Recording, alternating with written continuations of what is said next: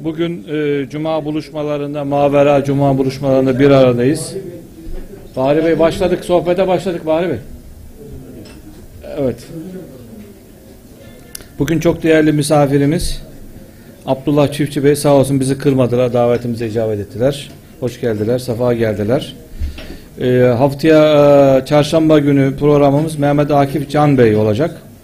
Bakara suresini işlemeye devam edecek. Haftaya bugünkü misafirimiz Profesör Doktor Necdet Subaşı olacak. Ee, tedavüldeki kitaplar çerçevesinde kendi bir kitabı var. O çerçevede sohbet yapacaklar inşallah. Bu programlarımız biliyorsunuz YouTube'da ve Facebook'ta canlı yayınlıyoruz. Ee, YouTube ve Facebook'u paylaşırsanız buraya gelemeyen arkadaşlarımız izlemiş olurlar inşallah. Ee, cumartesi günleri e, 28 Eylül'de başlıyor. Mavera Akademi olarak gençlere yönelik 8-13 yaşındaki arkadaşlara yönelik bir eğitim çalışması var. Saat 10 ile 15 arasında olacak. İşte Kur'an-ı Kerim, drama, yazarlık, felsefe atölyesi, seramik atölyesi, ahşap atölyesi çerçevesinde çocukların becerilerini artırıcı faaliyetler var. Bu program ücretli. Onu ifade etmiş olalım. Bu arada biz biliyorsunuz e, iki senedir üniversitede okuyan talebeler arasında bir deneme yarışması yapıyoruz. Bu deneme yarışması çerçevesinde geçen sene Kudüs konusuydu. Bu sene küresel barış ve adalet konusuydu. Bu çerçevede ödül alan ilk 13 arkadaşımızın eserini kitaplaştırdık. İngilizce, Türkçe, Arapça ve Boşnakça. Çünkü Aliye İzzet Begoviç anısınaydı. Bu kitabı da yayınlamış olduk. Edinmek isteyen arkadaşlar bunu dışarıdan edinebilirler. Sayın Abdullah Çiftçi Bey 87-96 yıllar arasında TÜBİTAK'ta çalıştı. Ankara Üniversitesi'nden mezun oldu. Özellikle son dönemlerde uluslararası ilişkiler, teknoloji, bilim ve dış siyaset ilgili katıldığı programlarıyla sıkça gündeme yer aldı. Bunu e, medyada ilgiyle takip ediyoruz, istifade ediyoruz. Stratejist olan Çiftçi Medya ve Bilgi Teknolojileri Strateji Derneği Başkan olarak çalışmalarını sürdürmektedir. İnternet kullanımı ile ilgili sayısız konferansları vardır. Özellikle son dönemlerde katıldığı programlar ile adından söz ettiren Abdullah Çiftçi aslen Kahramanmaraş'tadır. Merkezden mi? Merkezden. Merkezden. Ee, nasip olursa Abdullah Bey'i bir saat kadar, bir saat 15 kadar izleyeceğiz. Daha sonra sizin sorularınızla e, programa devam edeceğiz. Ee, tekrar Evet. hoş geldiniz, sefa geldiniz diyorum. Hoş bulduk. Buyurun. Arkadaşlar sizler de hoş geldiniz cümleten. Merhabalar. Ee, buraya Mavere Vakfı'nın yöneticilerine çok teşekkür ederim. Ayrıca burada aramızda USMET, Uluslararası Sosyal Medya Dernek Başkanı Sait Ercan kardeşim de var. Ona da hoş hoş geldin diyorum. Eyvallah. Şimdi bu konferansta bir çerçeve çizeyim arkadaşlar. Bir 20. yüzyılda İkinci Dünya Savaşı'ndan sonra şekillenen 20. yüzyıl dünya dengesi nedir? Şu an e, yürütülen mücadele 20. yüzyılda kurulan dengenin 21. yüzyılda yeni bir denge var. Dijital bir dünya var. Dördüncü sanayi devrimi yani e, 5G ile beraber, nesnelerin internetiyle beraber başka bir dünya kuruluyor. Yani dünya tarihine format atılıyor. Dolayısıyla iki tane ayrı problem var bizim için. 20. yüzyılda kalan İkinci Dünya Savaşı'ndan sonra kurulan Amerikan merkezi dünya bir de 21. yüzyılda e, endüstriyel atölye olaraktan Çin fikir babası olarak ve finans olarak City of London, Londra'nın kurguladığı bir kuşak bir yol çerçevesinde gelişen bir dünya var. Burada kısaca neler olup bittiğini anlayabilmek için bu iki şeyi bilmemiz lazım. İkisi birbirinden farklı. Bizler genelde gaybi Allah bilir der, gelecek yorumu ve analizi yapmayız. Hikayeci bir toplumuz. Sürekli olaraktan geçmişi konuşuyoruz. Ben çocukluğumda camide Kur'an kursuna gittim. Hayber Kalesi, Uhud Savaşı yani sayısız dinledim. Aynı tonda, aynı şekilde. Yani akla fazla ihtiyacımız yok aslında toplum olaraktan. Ama dünya işleri rahmani akılla çözülecek işler. Gaybı Allah bilir deriz ama Allah'tan gelen gaybı Allah bilir. Kuldan gelen gayb değildir. Kulun planı, projesi, hedefleri bunu gayb çerçevesinde ele alamayız. Yani e, mesela işte burada bir kedi varsa, burada da bir ciğer varsa, kasap arkasına döndüğünde biraz sonra ciğer, olayı bilebiliriz değil mi? Dünyada da böyle bir şey. Yani dünyada başlangıcı bilirsek biz silsile halinde tarihi doğru algılarsak bugünü görebiliriz. Eğer bugünü görüyorsak geleceği de görebiliriz. Yani ön görebiliriz geleceği de. Dolayısıyla bizim önce aklı kullanma şeklimizi, beyin formatımızı biraz değiştirmemiz gerekiyor. Çünkü burası ahiret, burası dünya. Şimdi sürekli olarak ahiret endeksli döndüğümüz zaman dünyada sopa yiyor sürekli. Yani ikisini dengede tutarak da e, e, aklımızı o yönde kullandığımızda bizim elde edemeyeceğimiz herhangi bir başarı yoktur. Şimdi dünya tarihini okurken hiçbir şey birbirinden bağımsız değil. Paranın tarihini, paranın tarihini, finansın tarihi yani, din tarihini, din endeksli ezoterik örgüt tarihini, mitoloji tarihini, teknoloji tarihini bilmeden siyasal yapılan siyasal analizler havanda su dövmektir. Amerika onu yaptı, İngiltere bunu yaptı. Tamam da kim bu Amerika? Yani Türkiye dediğimizde sonuçta bir başkan var. Başkan Recep Tayyip Erdoğan. Onun bir kimliği var, bir misyonu var. Nereden geldiği var değil mi? Üsküdar'dan çıktı, bir mücadele etti. Geldi, kimliği belli, ne düşündüğü belli. Amerika'da da deyince geçmeyeceğiz. Trump kim? Ekibi kim? Nereden geldi? Amerika'daki taraflar kim? Şimdi önceden Haçlılar ya da Siyonistler geçerdik. Oysa ki bu çok kaba ve doğru bir tanım da değil. Evet Haçlılar var, Siyonistler var ama arka plandaki gücün organizasyonunu doğru tanımlamamız gerekiyor. Şimdi Amerika'daki tarafları bilmeden mümkün değil dünyada ne olup bittiğini anlamak. Çünkü Amerika'daki kapışma her ülkede kendine gösteriyor. Suudi Arabistan'da bir otele kapatılan 300 tane prensten tutalım, tutalım da Sri Lanka'daki patlamaya kadar Pakistan'daki olaylara, Afganistan'a, Türkiye'nin kendi siyasetine kadar yine Amerika'daki tarafları doğru bilmemiz gerekiyor. Batı'da işleri genelde Hegel diyalektiği mantığıyla çözerler. Burada bir tez var, burada bir antitez var. Senteze giderler. Tezi ortaya koyan antitezini de koyar. Ben bunun yıkılmasını istemiyorsam buna saldıracak birini bulmam lazım mutlaka. Bunu koruma vesilesi yapmam lazım. Yani tez, antitez. Kökenine gidersek tez Hazreti Adem, antitez şeytan, sentez insan. Mücadelede. Yani batıdaki mantığın kökeni de yine bildirilerine dayanır. Yani ilahi kitaplara dayanır. Şimdi Amerika'da ortada bir Trump var. Her iki tarafında yönettiği sağ tarafında Siyonistler var. Siyonistler kim? Siyonistler Hz. Musa'dan hareketle ideolojik formasyonunu, dini formasyonunu geliştiren, vaat edilmiş toprakları elde etmek isteyen Fırat Nil arası Yahudiler. Hemen Siyonistler artı evangelistler var. Onlar kim? Siyonistlerin protestanları dönüştürmesinden oluşan bir akım Amerika'da. Ve sayıları 100 milyon civarında kongreye hakimler. Siyonist ve evangelistler Amerikan Kongresi. Üçüncü şık kim? Katolikler. Pentagon'da hakim yani Amerika'daki daha çok İngiliz kökenli, Alman kökenli. Almanlar her ne kadar protestan olsa da. Şimdi başka kim var? Bir de üstün ırkçılar var. Yani Trump'ın bir tarafında Siyonist, evangelist, Katolik, üstün ırkçı. Yani Nazi. Amerika'daki Alman kökenlerin sayısı 80 milyon civarında. Hitler'den sonra Amerikan Nazi subayları, önemli subaylar üniforması çıkartıp Amerika'ya gitmiştir. Trump seçimlerde hatırlarsanız böyle bir Nazi işareti yapmıştı. Medya ayağa kalkınca bilmiyordum dedi. Ne demek bilmiyordu? Biliyor tabii. Çünkü Amerika ciddi anlamda ırkçıdır. Kendilerini seçilmiş kabul ediyorlar. Halk. Bunların karşısında kim var mücadelede? Bunların karşısında parayı elde tutanlar var. Amerikan Merkez Bankası'nı yönetenler, dünya finans sistemini kuranlar, City of London, İsviçre, New York piyasalarında ve Merkez Bankası'nı yöneten aynı zamanda teknoloji lobisinin sahipleri bunlar. Yani Instagram, YouTube, Facebook, Google gibi şirketler küreselcidir. Amerikan Ulus Devleti'nin gibi görünse de kurgusu böyledir. Dolayısıyla bu iki taraf mücadele ediyor. Niye? Nedir paylaşamadıkları?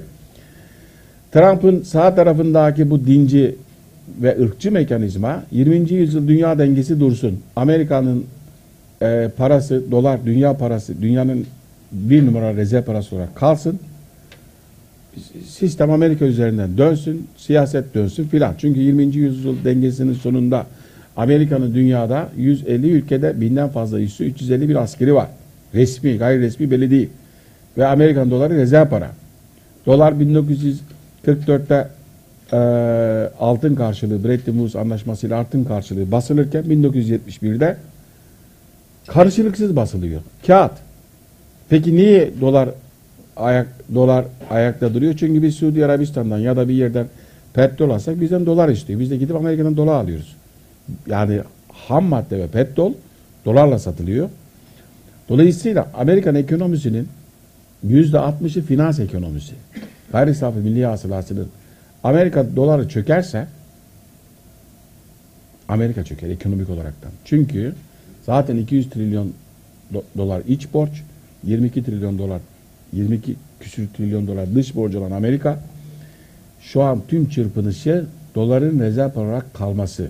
İşte bu birkaç gün önce Suudi Arabistan'daki Aramco saldırısında böyle okuyacağız. Aramco'ya çökmek istiyorlar. Saldırı var. E ne oldu şimdi oraya yeni Petroid'da füzeleri filan koyacağız diyorlar. Dolayısıyla e, Amerika'nın dolarının rezerv olarak kalması için yeryüzündeki ham maddelerin, petrolün, doğalgazın dolarla satışına devam edilmesi lazım. Onun karşısındaki finansçılar Çin merkezli bir oyun kuruyor. Çin'deki bir kuşak bir yol, Çin aklı değil. 20. yüzyılda batıdan dünyaya gelip kurgulayıp finans ve ticaret ağını kuranlar 21. yüzyılda doğudan geliyor. Akıl aynı, para aynı, strateji aynı.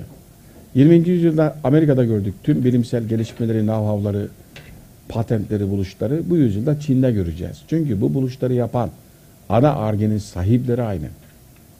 Yani e, sürpriz diye bir şey yok dünyada. Şimdi Amerika sü- süper güçlüğünü devam ettirmek için haritayı önüne almış. Ne yapacak? Burada Avrupa var. Avrupa kend- kendisi Avrupa'ya bakıyor ama Avrupa'da kendisini kuşatıyor. İngiltere ayrı, Brexit. E peki İngiltere'de de iki tane güç var. Biri Buckingham Sarayı kraliçe, diğeri London. Yani gerçek anlamda dünyadaki finansın babaları. Stoff London özerk bölgedir. Vatikan ve Washington DC 3 tane özerk bölge var. London İngiliz parlamentosunda çoğunlukta olduğu için Brexit ayağından çekiyor. Dolayısıyla şimdi Amerika'nın o dinci, ırkçı tarafıyla kraliçe aynı mekanizma. Yani diğer finans tarafıyla Amerika'daki London'la Amerika'daki FED zaten aynı tarafta. İkincisi Avrasya'da diyor güçler birleşmemeli Avrasya. Yani Amerika hakimiyet teorileri ve doktrinlerle hareket eder. Yedi tane önemli doktrin var Amerika'da. Bir de kara hakimiyet teorisi, deniz hakimiyet, eee, uzay hakimiyeti gibi ana teorileri var. Şimdi kara hakimiyet, hakimiyet teorisinin mimarı John Nicholas Speckman'dır. Speckman'ın kara hakimiyet teorisini okursanız şu an Amerika'nın attığı adımları net orada görebiliriz. Almanya ve Fransa bir araya gelmemeli diyor Speckman. Şu an Almanya Fransa ortak meclis kurdu. İk, üç, üçüncü toplantılarını yapacaklar. Bu ikiliye e, Rusya dahil olmamalı diyor. E şu an oluyor. Fransa Rusya'yla işbirliğine gidelim diyor. İşte Avrasya'da güçle bir araya gelmemeli diyor. İran, Türkiye, Rusya geldi. Güney Asya'da ülkeler birbirinden ayrılmalı diyor. İşte orada Tayvan'ı Çin'den şu an Tayvan'ı tanıyorlar. Güney Kore, Japonya yapıyorlar. Dolayısıyla dünya haritasını alıp bir akıl var. Bu harita üzerinde kıtalarda ve bölgelerde ülkeler yan yana gelmemeli. Doğal kaynak, ham madde varsa ben alacağım. Peki nasıl alacak? E, çünkü yeryüzünde bu adamlar hangi coğrafyada, hangi bölgede, hangi kimler yaşıyor istatistik olaraktan biliyorlar. Bir veri devleti. big data ile hareket ediyor. Şu an bu big data dijital dünyayla başka bir yere evriliyor. Şimdi İngiltere'de kurulan Tavistock Enstitüsü var. 1921'de Amerika'da şimdi faaliyet gösteriyor. Resmi bütçesi 11 milyar dolar. Gayri resmi ne de bilmiyoruz. Tavistock Enstitüsü'nün misyonu yeryüzünde hangi kara parçasında kim yaşar, dini ne, etnik grubu ne, mezhebi ne, bunlar nasıl kışkırtılır? Nasıl gaza getirilir? Nasıl yani orada profesyonel olarak, bilimsel olarak da sosyolojiyi ve insan psikolojisi iyi inceleniyor. Şimdi de dijital dünya ile beraber ne oldu? Dijital dünya ile beraber şöyle bir şey oldu. Ee, dijital dünyanın arka planındaki yapay zeka yeryüzünde bir ülkede, bir şehirde, bir ilçede, bir mahallede, bir evde, bir bireyin beyninde hangi anahtar kelime olduğunu bilir. Problem ne bilir. Dolayısıyla şu an o problemin diyelim İstanbul'da en çok konuşulan anahtar kelimeden hareketle o problemi kaşıyaraktan öfkeyi, var olan problemi kışkırtıp sahaya dökebilir. Buradan neyi anlıyoruz? 20. yüzyıl ülkeler yönetiminde liderleri, siyasileri, kişileri satın alaraktan ülkenin genel gidişatına yön vermek isteyen akıl 21. yüzyılda halkı satın alıyor. Hem de parasız sosyal medya üstünden halkı satın alıp lidere diz çöktürüyor. Yani Hong Kong'daki olaylar şu an e, turuncu devrimleri, Arap Baharı, Türkiye'deki Gezi Parkı olayları yani dünyanın Brezilya'daki olaylar, Brezilya'da devlet başkanını düşürdüler. Şimdi e, bizim öncelikle dijital dünyayı onun sosyoloji dünya üstündeki sosyolojiyi nasıl değiştirdiğini, bireyin üstündeki psikolojiyi nasıl değiştirdiğini anlamamız gerekiyor. Şimdi Arap Baharı'nın çıktığı yıl 2010 Aralık. 2009'da İsrail'de ne bulundu? Doğalgaz. Denizde. 2010'da da doğalgaz bulundu. Aralıktan önce. Peki o Doğu Akdeniz projesini buna kurgulamıştı şu an geldiler ya. Bunu o zaman kurgulamışlar. E ne yapacaklar? Kattahviyle bu iş olmaz. Yani bölgede liderlerin değişmesi lazım. Şimdi Arap Baharı'nın başladığı olaylara bakın ülkelere. Akdeniz'e sınırlı olan ülkeler.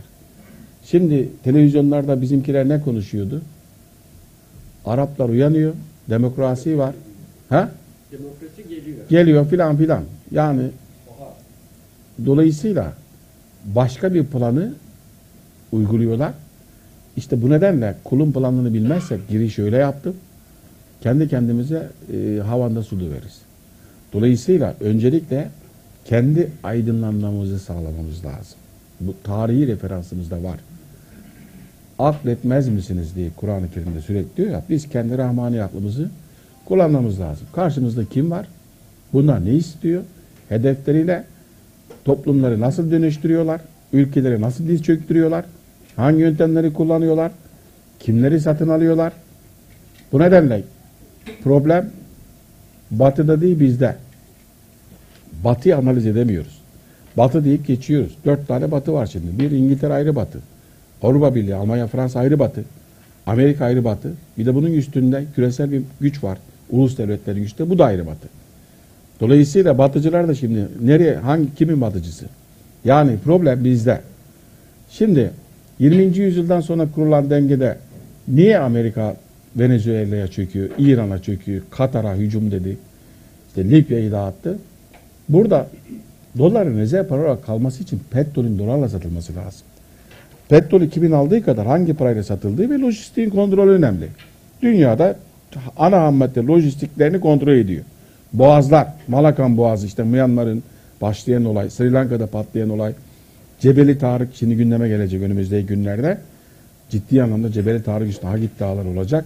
İşte Basra Körfezi'nde şu son günlerde yaşadığımız ham madde ve petrol lojistiğinin kontrolü. Niye? Çin devasa bir endüstriyel atölye.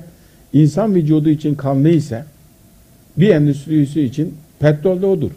Çin'de endüstri atölye var ama eğer gerekli petrole, gerekli doğalgaza ulaşamazsa sanayi durur. Çin bizim gibi değil. Durduğu an 1 milyar 400 milyon nüfusu olan bir ülke. Dolayısıyla Çin Venezuela'ya 50 milyar dolar yatırım yaptı. Hoş geldin üstad. 50 milyar dolar yatırım yaptı. Çin Venezuela'nın petrolüne Amerika gitti çöktü. Gladio'yla, Gua- Guaidio'yla. Çin İran'la bir takım anlaşmalar yapıyor. Amerika çerçeveledi. Çin İran'la Katar arasında Pars doğal Pers, Pars doğal gaz sahası var. Çin geldi, e, e, Trump geldi dedi ki e, Suudi Arabistan'a, Mısır'a filan o küreye hatırlayın el koymuşlardı. Hücum dedi Katar'a. El Cezire'yi de kapatsınlar. E, Türkiye asker gönderdi. Dolayısıyla başarılı olamadı. Yani e, buradaki şey e, Çin'in enerji kaynaklarını kurutmaya çalışıyor. İşte doğal gaz kaynağı Katar. Mesela Libya'da Çin Libya'yla çok ciddi işbirliği yapıyordu. Libya'da şimdi bir General Hafter tarafı var, bir Trablus tarafı var. General Hafter Libya Çat Savaşı'nda Gaddafi'nin generaliydi. Çat'a esir düştü. CIA onu Çat'tan satın aldı. Virginia'ya götürdü. Eğitti orada 20 yıl. Getirdi Libya'ya. Aynen Mısır'daki Sisi gibi e, Libya'yı da ele geçirecekti. Fakat hatırlayın bakalım iki ay önce Hafter Türkiye'yi düşman ve tehdit ilan etti. Nedeni de şu, Nisan ayında Hafter güçleri Trablus'u ele geçirmek için hareket ediyor ve kimliği belirsiz uçaklar Hafter'i bombalıyor. Onun Türk uçakları olduğunu söylüyor. Doğrudur da. Yani eee Türk kirpileri vardı zırhlı araçlar Libya'da. Yani Türkiye sessiz sedasız bir tarafta Katar'la oyun bozdu. Bir tarafta Libya'da bozdu. Venezuela'ya 100 kişilik özel kuvvetler gitti. Türkiye'nin bugün açıklaması vardı yine. Türkiye'yi tehdit ediyorlardı. Venezuela'yı şeyi bırakın. Yine Sudan'da bir devrim yapmaya çalıştılar. Türkiye orada başaramıyorlar. Türkiye Cibuti'de, Türkiye Somali'de, Türkiye Gana'da çok ciddi askeri eğitimler de veriyor. Bunlar da çok medyanın önünde konuşulan şeyler değil. Dolayısıyla bu mücadelede Türkiye, Çin merkezi kurulan bir bölgesel pro- e, dünya çapında bir proje var. Bir Avrasya'da Rusya eksenli kurulan bir bölgesel işbirliği var. Bir de şimdi eskiden kalan Atlantik e, diye tanımlanan Amerikan hegemonyasının e, içinde olduğu bir işbirliği. Bir de Avrupa Birliği var. Başkan Erdoğan birkaç gün önce Avrupa Birliği'ne yeniden dedi biz girişi hızlandıralım falan gibisinden. Türkiye bu sürede süreç yönetmeyi öğrendi biraz. Balıklama atlamıyor. Nasıl ki Membiç'e gelmişti John Kerry. Ya geçerken uğradık sanki bırakacağız bir hafta sonra gibisinden konuşuyordu. Oysa ki öyle yapmıyor. Çünkü batıda siyasiler bizim gibi değil. Ya bir ezoterik örgüt üyesi ya da bir cemaat üyesi. Dini. Bağımsız birinin batıda vekil olma şansı sıfır. Türkiye'de içinizden gelecek seçimde belki ve inşallah 3-5 tane vekil çıkar. Batı'da yok öyle bir şey. Yani Batı özgür değil. Batı tamamen köleleştirilmiş. Gazetede bizdeki gibi MİT tırlarını biri ifşa etsin infaz ederler adamı. Yargılamazlar. Yok yargılama. Bizde o. Örnek vereyim. Ee, Epstein bir adam vardı Amerika'da geçen ay. Hapishanede öldürüldü. Hapse girdiği gün bunu öldürecekler diye tweet atmıştı. 10 gün sonra öldürdüler. Çünkü yani nedeni şu çok sır var ifşa edilmesin diye. Fakat batıdaki bu küreselci diye tabir ettiği finansçı ve teknoloji lobisinin ile bu ırkçı ve dinci lobinin kapışması beraberinde çok ciddi ifşaları getirdi, daha da getirecek. Yani şey yerle bir olacak, maske. Mesela nasıl ki o Brexit kapışmasında demokrasinin beşiği İngiltere diyordu, kraliçe meclisi askıya aldı. Yani mecliste formaliteydi kraliçe. Öyle bir yetkisi olduğunu öğrendik. Dolayısıyla bizim Türkiye olaraktan şu an Doğu Akdeniz'de kendi haklarımız var. İlk kere Doğu Akdeniz'de cari açığı kapatacak bir fırsat yakaladık. Çünkü Türkiye'nin cari açığı, ana açığı enerji. Yani eğer enerji cari açık giderilirse Türkiye'de proje yapma şansımız olacak. Bir finans finans kaynağı olacak. E, şu an Akdeniz'de 7 tane enerji şirketi yani Güney Kore'den tutun e, Ruslardan, Fransızlardan, İngilizlerden, Amerikalılardan 7 şirket var. Ama bunlar ulus devletlerin şirketleri değil. Bu şirketler Türkiye ile de anlaşacak. Muhtemelen de anlaşmıştır. Doğu Akdeniz'de. Öyle beklendiği gibi büyük bir savaş Ben beklemiyorum. İran'la kapışma olabilir ama İran'a da göstermelik bomba atar Amerika Doğu Akdeniz'de. Böyle ciddi bir savaş olmaz. Amerika'da seçim var bu süreçte. Trump bu e, ge- ge- geçenki seçimde seçim kampanyası yürütürken biz Orta Doğu'da 6-7 trilyon dolar para harcadık. Amerika'yı bununla baştan başa iki kere yeniden inşa edebilirdik dedi. Askerlerimizi çekeceğim Orta Doğu'da vaat vermişti. Şu an e, Türkiye Suriye'nin e, Kuzey Suriye Fırat'ın batı doğusuna operasyon hazırlığında muhtemelen çok da uzun sürmeyecek. E, Amerika'nın onu koruyacak bile gücü yok. Yani bizde acayip bir İsrail ve Amerikancı lobi var. Böyle öyle bir gösteriyor ki İsrail yani yedi kocalı yürümüz gibi bir şey. Bakın hükümet kuramıyorlar ne zamandır. Bir ipliğini çeksen 40 yamalı dökülür. Parası yok. Geçen ay e, tüm yurt dışı konsolosluklarına duyuru geçtiler. Parasızlıktan dolayı bir süre kapatıyoruz diye, faaliyetleri durduruyoruz diye. Bu algıyı böyle bir, zihin zihin operasyonlarından kurtulmamız gerekiyor. Amerika'nın yapacağı hiçbir şey yok. Türkiye ile savaşsa bu Amerika'yı kurtarmaz. İran'la savaşsa da kurtarmaz. Bilakis batırır. Amerika'nın kurtulmasının tek şansı Çin'i yok etmek. E Çin'deki nükleer silah da var. Çin'le savaşamaz. E Rusya ile savaşması gene kurtarmaz. Çünkü savaş Amerika'nın kendi içinde. Yani Amerika'da filmlerde, kovboy filmlerinde izliyorsunuz ya. Bir maden olur genelde, bir araba, içinde foto şapkalı bir banker, çevresinde de eli silahlı kovboylar. Orada banker finansçıdır ve akıl sahibi bankerdir. Kovboyla kava güçtür. Amerika'daki bu banker Çin'de arkadaşlar şu an. Ortada eli silahlı kaba güç kaldı. Akıl yok. Mümkün değil. Önümüzdeki süreçte ne olacak? Ee, 2020'de Amerikan ekonomisinde ciddi gümbürtüler gelecek. Neden? Çünkü doların rezerv para olarak kaldığı için ekonomi ayakta. Çin, Rusya kendi parasıyla ticaret yapıyor. Türkiye, Rusya, Türkiye, İran. Herkes kendi parasıyla yapıyor ve şu an dolar bir terör aracı olarak ortaya çıktı. Dolarla terbiye ediliyoruz Türkiye olaraktan. Efendim e, şey olaraktan İran, Rusya herkesi terbiye ediyor. Ve bunun şeyini anladığı için Trump hükümeti dolarda devalüasyon istiyor. Yüzdeli devalüe edelim doğal diyor. Do- doları diyor. Ayrıca faiz indirimine gidiyor FED. Trump %100 faiz indir diyor. Bu ne demek oluyor? Faiz filan indirmesi. Amerika'nın borçlu ülkelerin borcu da otomatikman yarıya inmiş oluyor. Fakat Amerika bi- biz ihracat şansını yakalayacağız diyor. Hatırlayın bakayım seçim öncesi ne diyorlardı? Dolar 8 lira olacak, 10 lira olacak, 12 lira olacak. Battık bittik naraları vardı değil mi? Ekranlarda tek bendim. Hayır öyle olmayacak diye. Niye? Çünkü biraz önce başkan e, konuştuk. Artık hiçbir ülke diğerinden bağımsız değil. Küresel bir entegrasyon sistemi var. Biz bir taraftan batıya bağımlı olduk. Bir taraftan şu an Çin. Bir taraftan Rusya ile iç içe giriyoruz. Öyle kapışmak, savaşmak kolay bir iş değil. Yani öyle bir iç içe girmişlik var ki. Şimdi Amerika diyor ki dolarda devalüasyon, faiz indirimi. Türkiye'nin temel problemi ne? Borcumuz var mı? Var.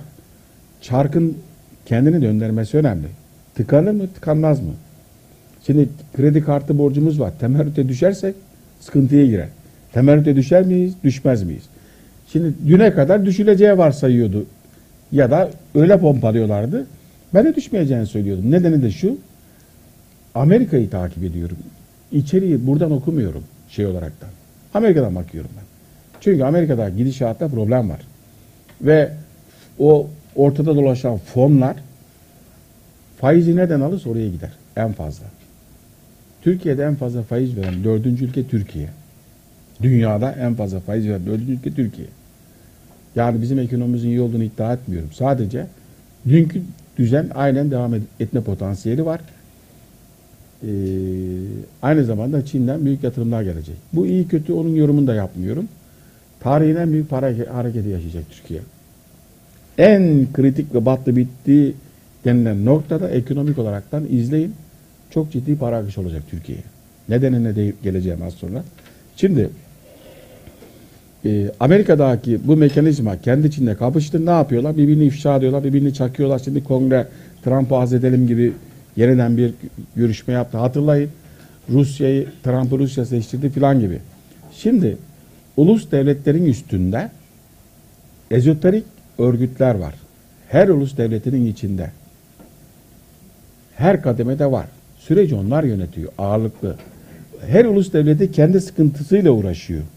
Türkiye'ye bakalım, Brezilya'ya bakalım, İtalya'ya, Portekiz'e, İspanya'ya, İran. Dün İran açıklama vardı İran Ticaret Bakanı'nın. Biz diyor Irak'la savaş döneminden bile daha kötü ekonomimiz şu an diyor. Ulus devletler boşlu, borçlu, sıkıntılı, yükü üstünde taşıyor. Ama ulus devletlerin tepesine çökmüş olan uluslararası şirketler olanlar ne doğru düzgün vergi veriyor, ne yükün altına elini taşın altına sokuyor. Ulus devletlerinin imkanı kullanaraktan ulus devletlerin altına uyuyor. Nasıl mı? Az sonra onu da dijital dünya olayını anlatacağım. Dolayısıyla eee, korkulduğu gibi bir durum yok Türkiye'de.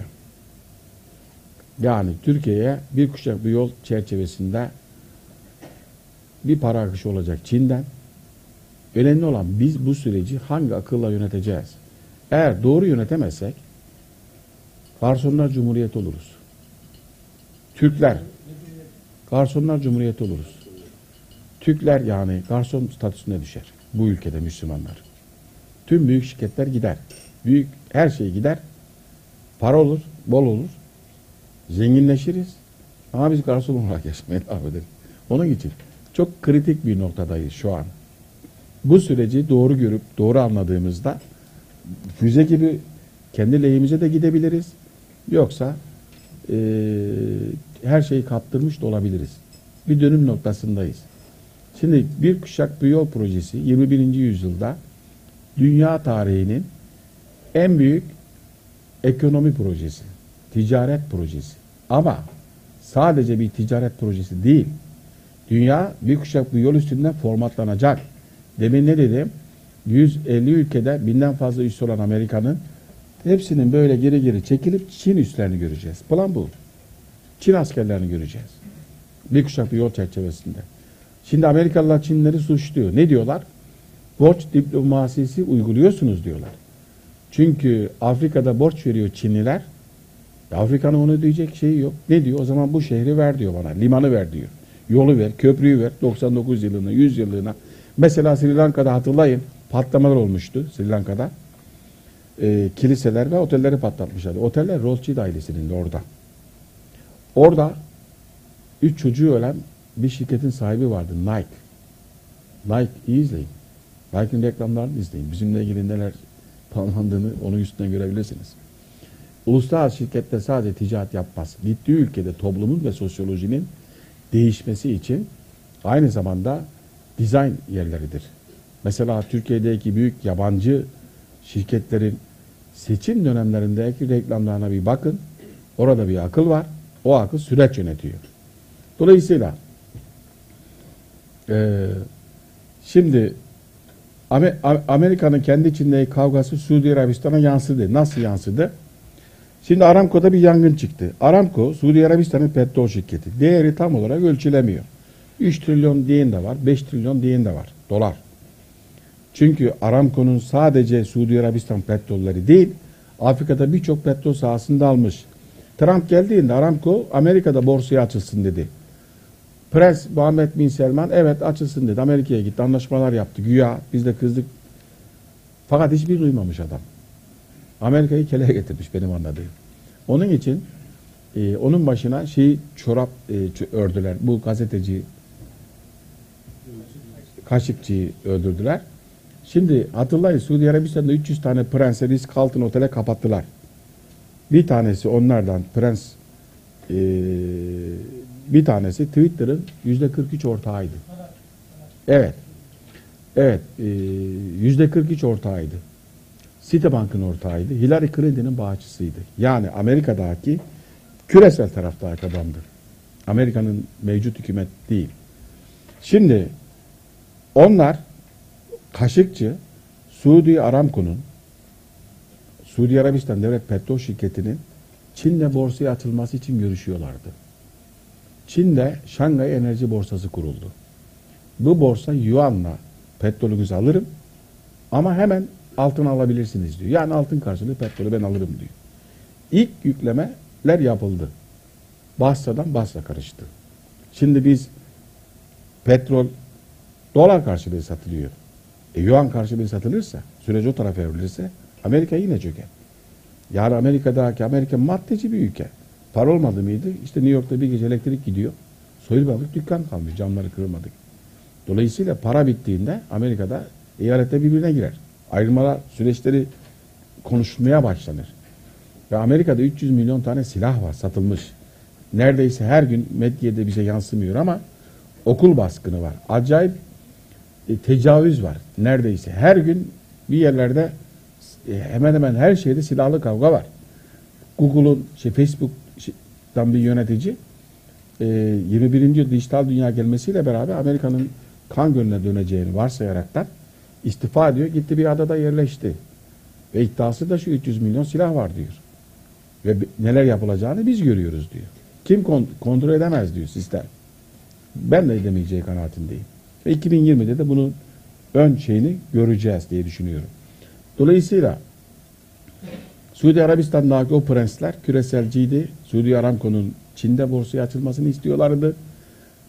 Trump'ın şeyiyle yakalandılar. Hepsinin bizim halk deyimiyle soyup, so- soyup soğana çevirdiler.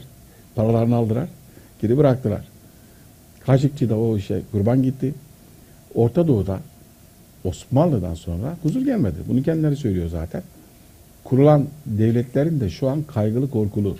Suudi Arabistan kaygılı. Birleşik Arap Emirlikleri kaygılı. Kuveyt kaygılı. Yani çadırlayacak.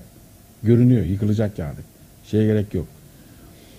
20. yüzyılda İkinci Dünya Savaşı sonrası Truman doktrinini okuyun gençler.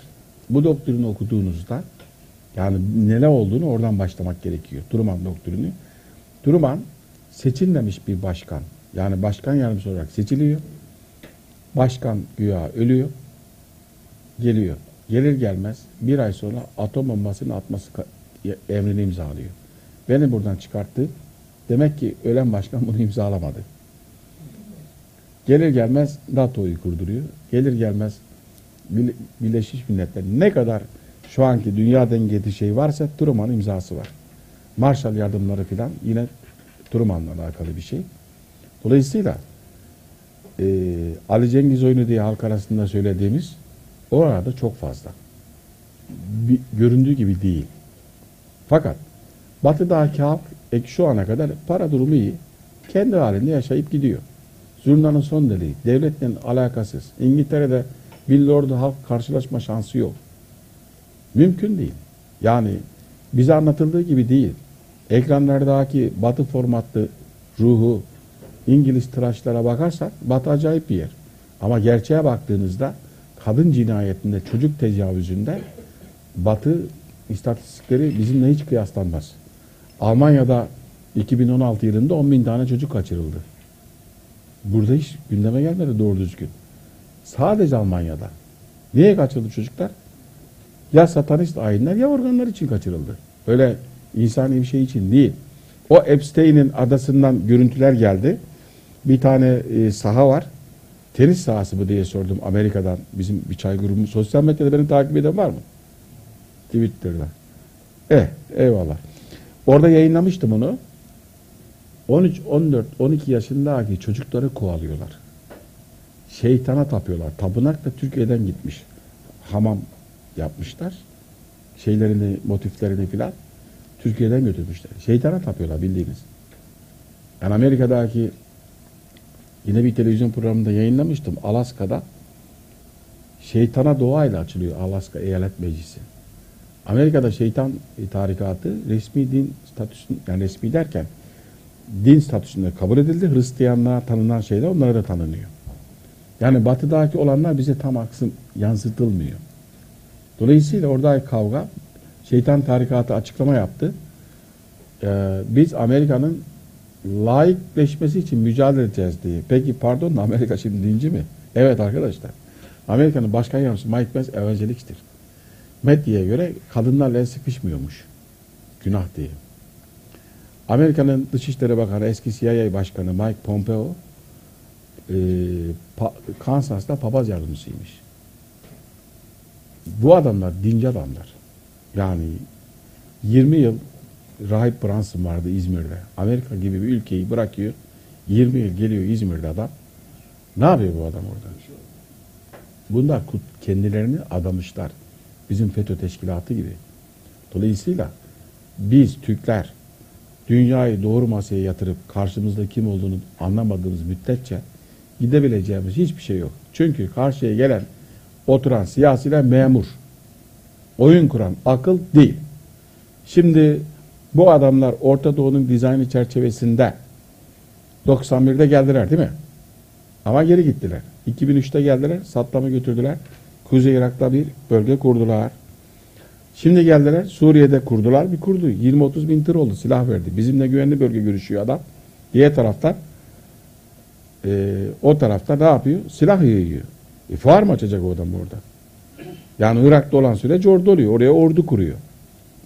Dolayısıyla şimdi Türkiye, İran, Esed, Rusya beraber bir hareket yapma ihtimali var.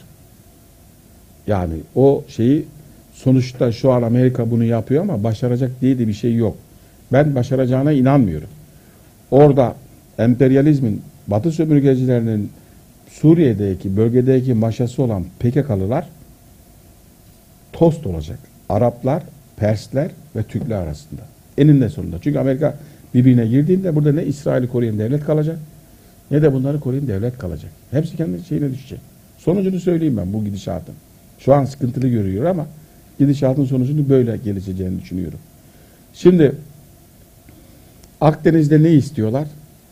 3.45 trilyon metreküp doğalgaz var. İncir çekirdeği gibi Amerikan doğalgazına göre, Katar'a, Rusya'ya göre onu bahane ederekten geldiler. Yok Aramco'ya saldırı var diyerekten füzelerle geliyorlar. Bu dünyada kritik enerji lojistiğinin olduğu Çin'deki bir kuşak bir yol projesinin geçiş güzergahlarını tutuyorlar. Pakistan'ın Gavadar limanını 100 yılına Çin'le kiraladı. Pakistan'dan o çıkan yol Keşmir'den geçiyor. Cemmu Keşmir'den. Hindistan Pakistan arası karıştı. Yani dünyada bir karışma varsa lokal olan problemler çözülür, anlaşılır. Mesela kan davası da olsa, mahalle davası da olsa, kavga olsa ya muhtar gider ya vali araya girer çözer değil mi? Ama uluslararası istihbarat varsa çözülmez. Çünkü ayaklananlar samimiyetle değil ya para için ya istihbaratın e, aparatı olduğu için ayaklanıyor. Şimdi Doğu Akdeniz'deki olayda Türkiye kendi payını alacaktır. Anlaşmaları yapacaktır. Niye? Çünkü dünyadaki finansın ana sahipleri bir kuşak bir yol projesinde Türkiye'ye ihtiyacı var. Niye var? Bir kuşak bir yolun iki tane ayağı var. Biri deniz ayağı, biri kara ayağı. Denizleri Amerikan kontrolünde. Malakan Boğazı, efendim, e, Cebeli Tarık, Basra, belki Süveyş kanalı hepsi Amerika'nın kontrolünde. Yani kara ayağı var. Kara ayağında e, e, Çin'den çıkan trenin Hollanda'da 12 günde olması, Londra'da 12 günde olması isteniyor. Üçüncü köprüden geçmek zorunda. Dolayısıyla bizde de bir devlet aklı var. Üçüncü köprü bizde kamyon, otobüsler şehir dışına çıkmaktan daha çok bir kuşak bir yolun Asya'dan Avrupa'ya geçişinde tren yolu olan köprü, üçüncü köprü. Şimdi Türkiye İslam dünyasının kalbi. Selamun Aleyküm diyerekten Tanzanya'nın Afrika'nın öbür ucuna gider. Merhaba diyerek Türkçe konuşaraktan da Doğu Türkistan'a kadar gider. Dolayısıyla 21. yüzyıl dünyasının en değerli markası Türk markası. İşte FETÖ üstünden gittikleri yaptıkları iş Osmanlı Türkiye yüzdeye geldi gitti FETÖ ülkelere.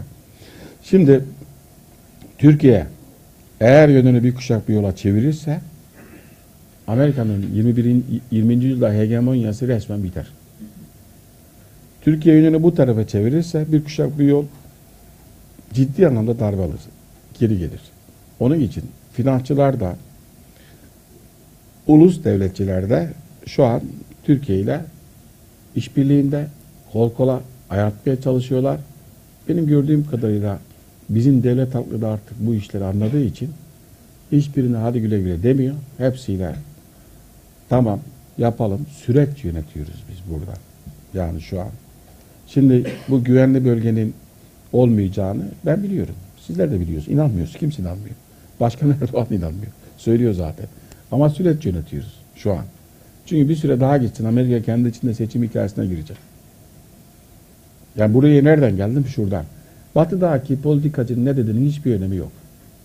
O onun görevi gelip bizleri oyalamak, kandırmak. Çünkü oyun kuran akıl bizim muhatabımız. Oyun kuran akıl, iki tane akıl var. Ulus devletler hariç iki. Birincisi işte bu Amerika üstünden oradaki masonik yapıyı, tapınakçı yapı, efendim küresel ezoterik yapı hepsi birbirine girdi. Ayrışıyorlar şu an. Şimdi oyun kuran yeryüzü için, tüm yeryüzü ve tüm insanlık için oyun kuran akıl e, bizde üst akıl diyorlar. Ben buna şeytani akıl diyorum. Üst akıl dediğimiz şey üstünse eğer rahmani olur. iyilik ister. Bu iyilik istemiyor. 21. yüzyılda dünyada ben bir Nuh tufanı yeniden başlatacağım diye dünya tarihine format atan, atmak isteyen diline, dinine, kültürüne, alfabesine, sosyalleşme şekline, evlenme şekline, devlet şekline format atmak isteyen bir akıl var. Bu akıl Hazreti Adem'in karşısındaki akıl.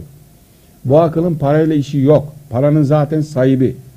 Biz de hep genelde Türkiye'nin parasını çalacaklar falan diye böyle şey yaparız. Türkiye'nin parasını çalanlar yerli arkadaşlar.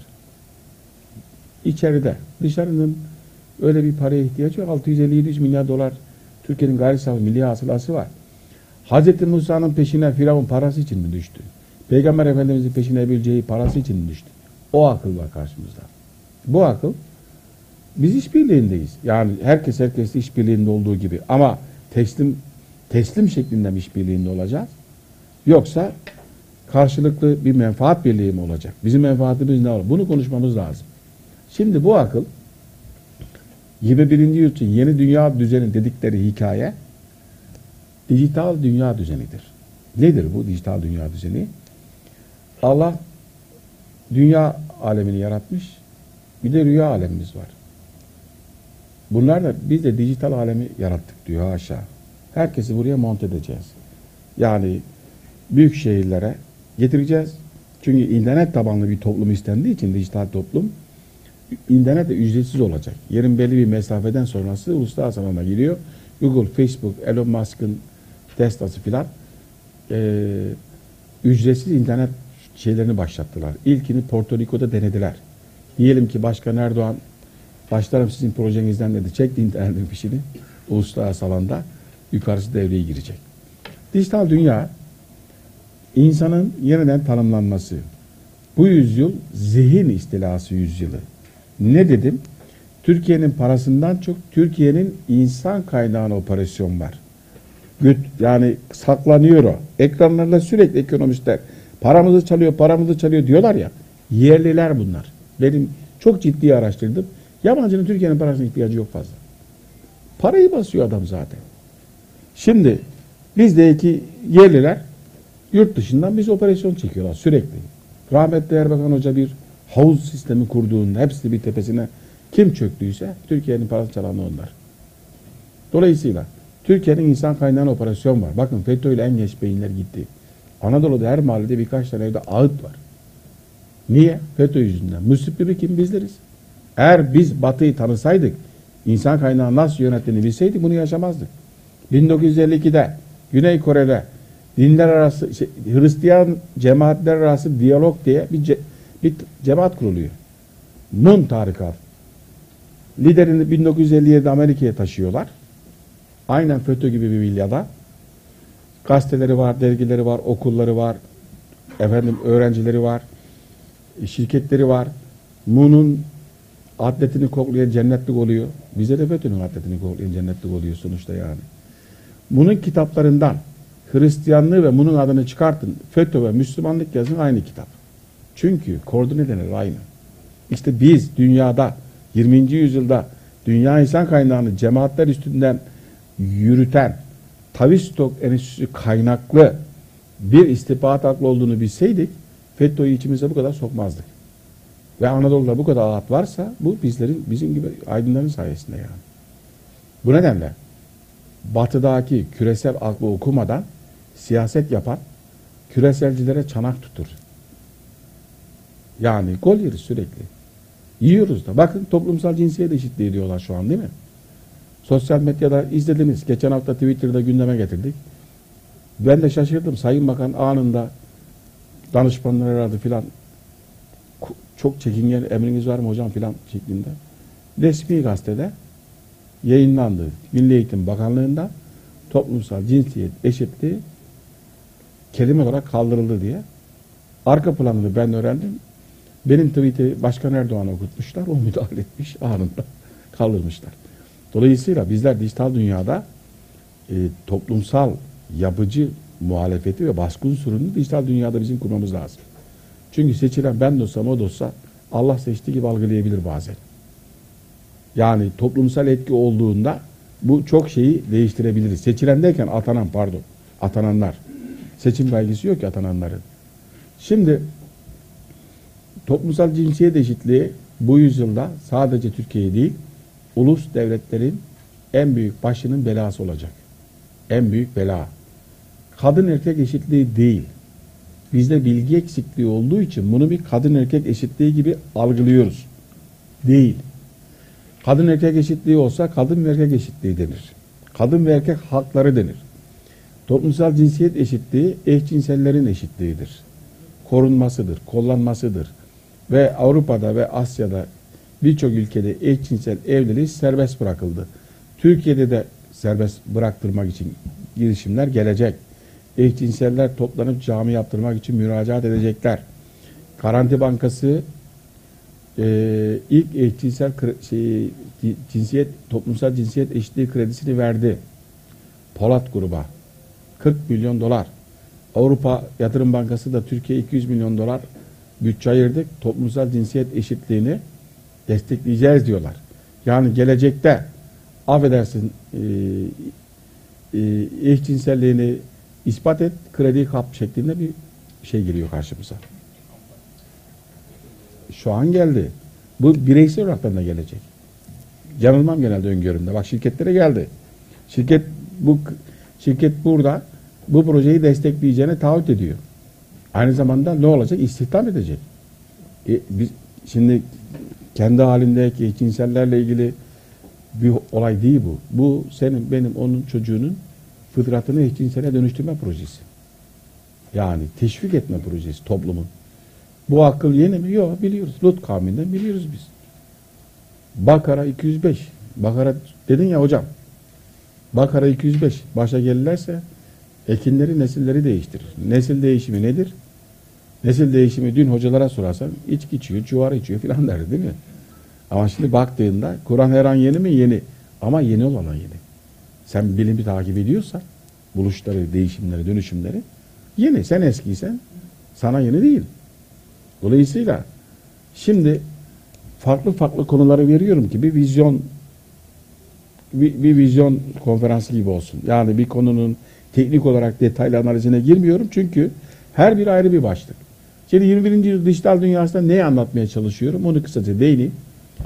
Blockchain bu kelimeyi bu kavramı artık bilmeden bundan sonra siyasal analiz yapamazsınız. Ekonomik analizi hiç yapamazsınız. Sosyolojik analizi de yapamayız. Yani yeni bir kavram. Dünya için toprak neyse dijital dünya için blockchain odur. Nasıl ki tüm apartmanlar, ağaçlar, canlılar, insanlar toprak üstünde artık dijital dünyadaki tüm uygulamalar blockchain merkezli olacak. Yani mesela bu cep telefonumuz bizim. Bu olmasa biz Facebook falan kullanabilir miyiz? Akıllı telefonu kullanamayız. İşte blockchain olmadan bundan sonra dijital dünyada proje olmayacak. Blockchain şu demek. Ee, diyelim ki burada bir bilgisayar var Mavera Vakfı'nda. Veriler bilgisayarda.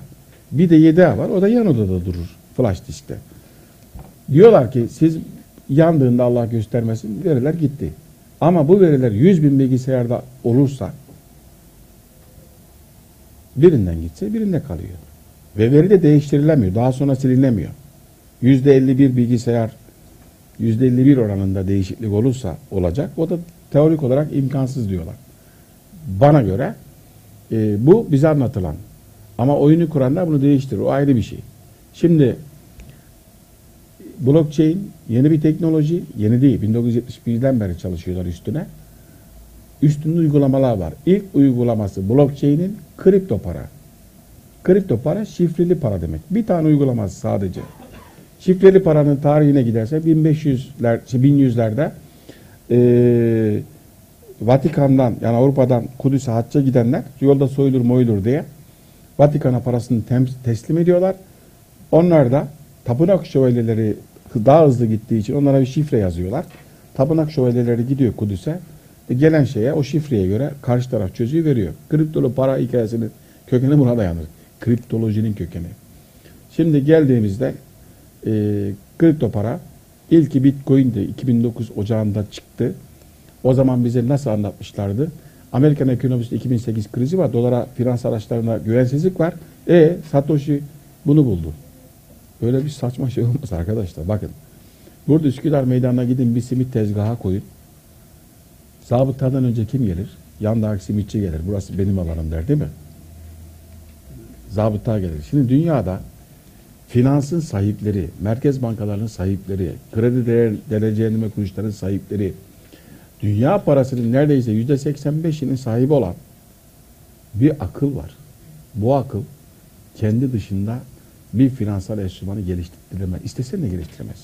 5 yaşındaki çocuk bile bunu bilir. Basitten işte. Gidin Üsküdar meydanına. Bir simit tezgahı hop der hemen gelirler. Şimdi kalkıyorsun sen para yapacaksın. Yani şimdi e, kripto para nakitsiz toplum hareketi vardı Rothschild'in. 40 yıldır faaliyette nakiti sileceğiz diyor. 1988 Ekonomist dergisinin kapağında var zaten bir anka kuşu var. Fenix kuşu bizim mitolojimizde abı hayat efendim Pers mitolojisinde Simur kuşu bunlar küllerinden doğacağız diyor. 1988 ek, ekonomist 1988'de yazın Google'a orada Phoenix kuşu yani abı hayat kuşunun ayaklarının altında nakit yanıyor dolar göğsünde kripto para var kuşun. Küllerimizden doğacağız diyor. Yani işte Amerika'daki 2020'de başlayacak hikaye kripto para endeksli doların rezerv para olaraktan e, e, kalmasını yani yere serecek bir şey. Bu da Facebook'un Libra'sı. İlk yani Bitcoin bir kripto para Libra rezerv paraya aday. Kripto paranın rezerv şekline. Şimdi blockchain dünya kayıt birliği demek aynı zamanda. Bunu hedefliyor. Şimdi bir devlet niye var? Vatandaşın tapu kaydı, evlilik kaydı, banka kaydı filan. Ulus devlette değil mi? Para. Şimdi kripto para olduğunda ulus devletlerle para para ilişkisi vatandaşın Merkez Bankası ihtiyacı kalmaz ki. Dijital dünyada iş yapan adam kripto parayla işini alır, kripto parayla ödemeyi yapar. Dolayısıyla Türk parasına ihtiyacı da kalmaz. Yani ulus devletin bir fonksiyonu gitti mi? Gitti. İkinci fonksiyonu kayıt. İngiltere'de biri öğrendi geçenlerde. Biz dedi blockchain'e kaydımızı yaptırıyoruz. Sadece İngiltere'de değil tüm dünyada geçerli dedi. Çünkü blockchain noter olarak kabul edilecek Türkiye'de de. İlk kaydı yaptı. Diyelim bir şiir yazdırdı. Gittiniz blockchain'e kaydı, yap, kaydı yaptırdınız. Artık o size ait tüm dünyada. Tapu kayıtları taşınacak. Evlilik kayıtları birçok kayıt taşınacak. Mesela e, kimlik vatandaş için. Yüz tanıma sisteminde kimliğin bir önemi yok. Eskiden kimliğinin de fotoğrafı değiştir, ismi değiştir, sahte kimlik yap, havalanında kandır. Ama şimdi zaten daha 100 metreden o e, hoş geldin Sedat Bey diyecek. Görecek. Sistem. Kimliğe gerek yok. Yani diyecek ki sen blockchain tabanlı onaylanmış pasaport uygulamasına müracaat et. Biz seni onaylayalım. Dünyanın her tarafına elini kolu sallaya sallaya git. E ulus devletinin hizmetleri nerede kaldı burada? 21. yüzyılda. Dolayısıyla teknolojiyi geliştiren akıl teknolojinin devleti, insanı ve sosyolojiyi nasıl dönüştüreceğini biliyor. Bizdeki en büyük hatalardan biri gelişen teknoloji diyoruz. Ya kendi başına teknoloji gelişir mi arkadaş? Geliştirilen teknoloji bir amaca istinaden. Mesela atom bombası atacaksa bir adam ne yapıyor? Onu çalışıyor. Bombayı alıp Japonya'ya götürüp atacak. İşte iletişim teknolojisini geliştirenlerde bir amacı var. Kontrol. Bu yüzyıl tam kontrol yüzyılı. Kripto paranın amacı ne? Paranın bana mesela orada diyorlar ki efendim doların sahipleri niye dolara götürsün de kripto para yapsın? Ya doların sahipleri para derdinde değil ki. Para ikinci adamların işi. Vatandaşın işi para. Geçim derdinde filan. O adamlar dünyayı ele geçirmek istiyor. İnsanlara karşı değil, Hazreti Allah'la savaşıyorlar. Sen yarattın biz kontrol etmek, ed, ed, etme iddiasındalar. Kripto parada da tam kontrole gidiyorlar.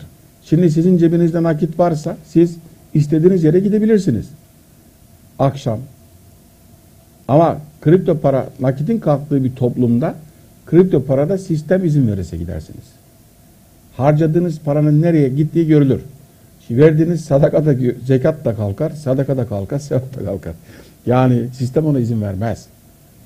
Dolayısıyla e, ulus devletlerin içini boşaltan bir dünya geliyor. Biz Türkler olaraktan bunu gelişiyoruz diye ağzımızın suyu akaraktan atlamamalıyız. Geliştirilen teknoloji bizi nereye götürüyor?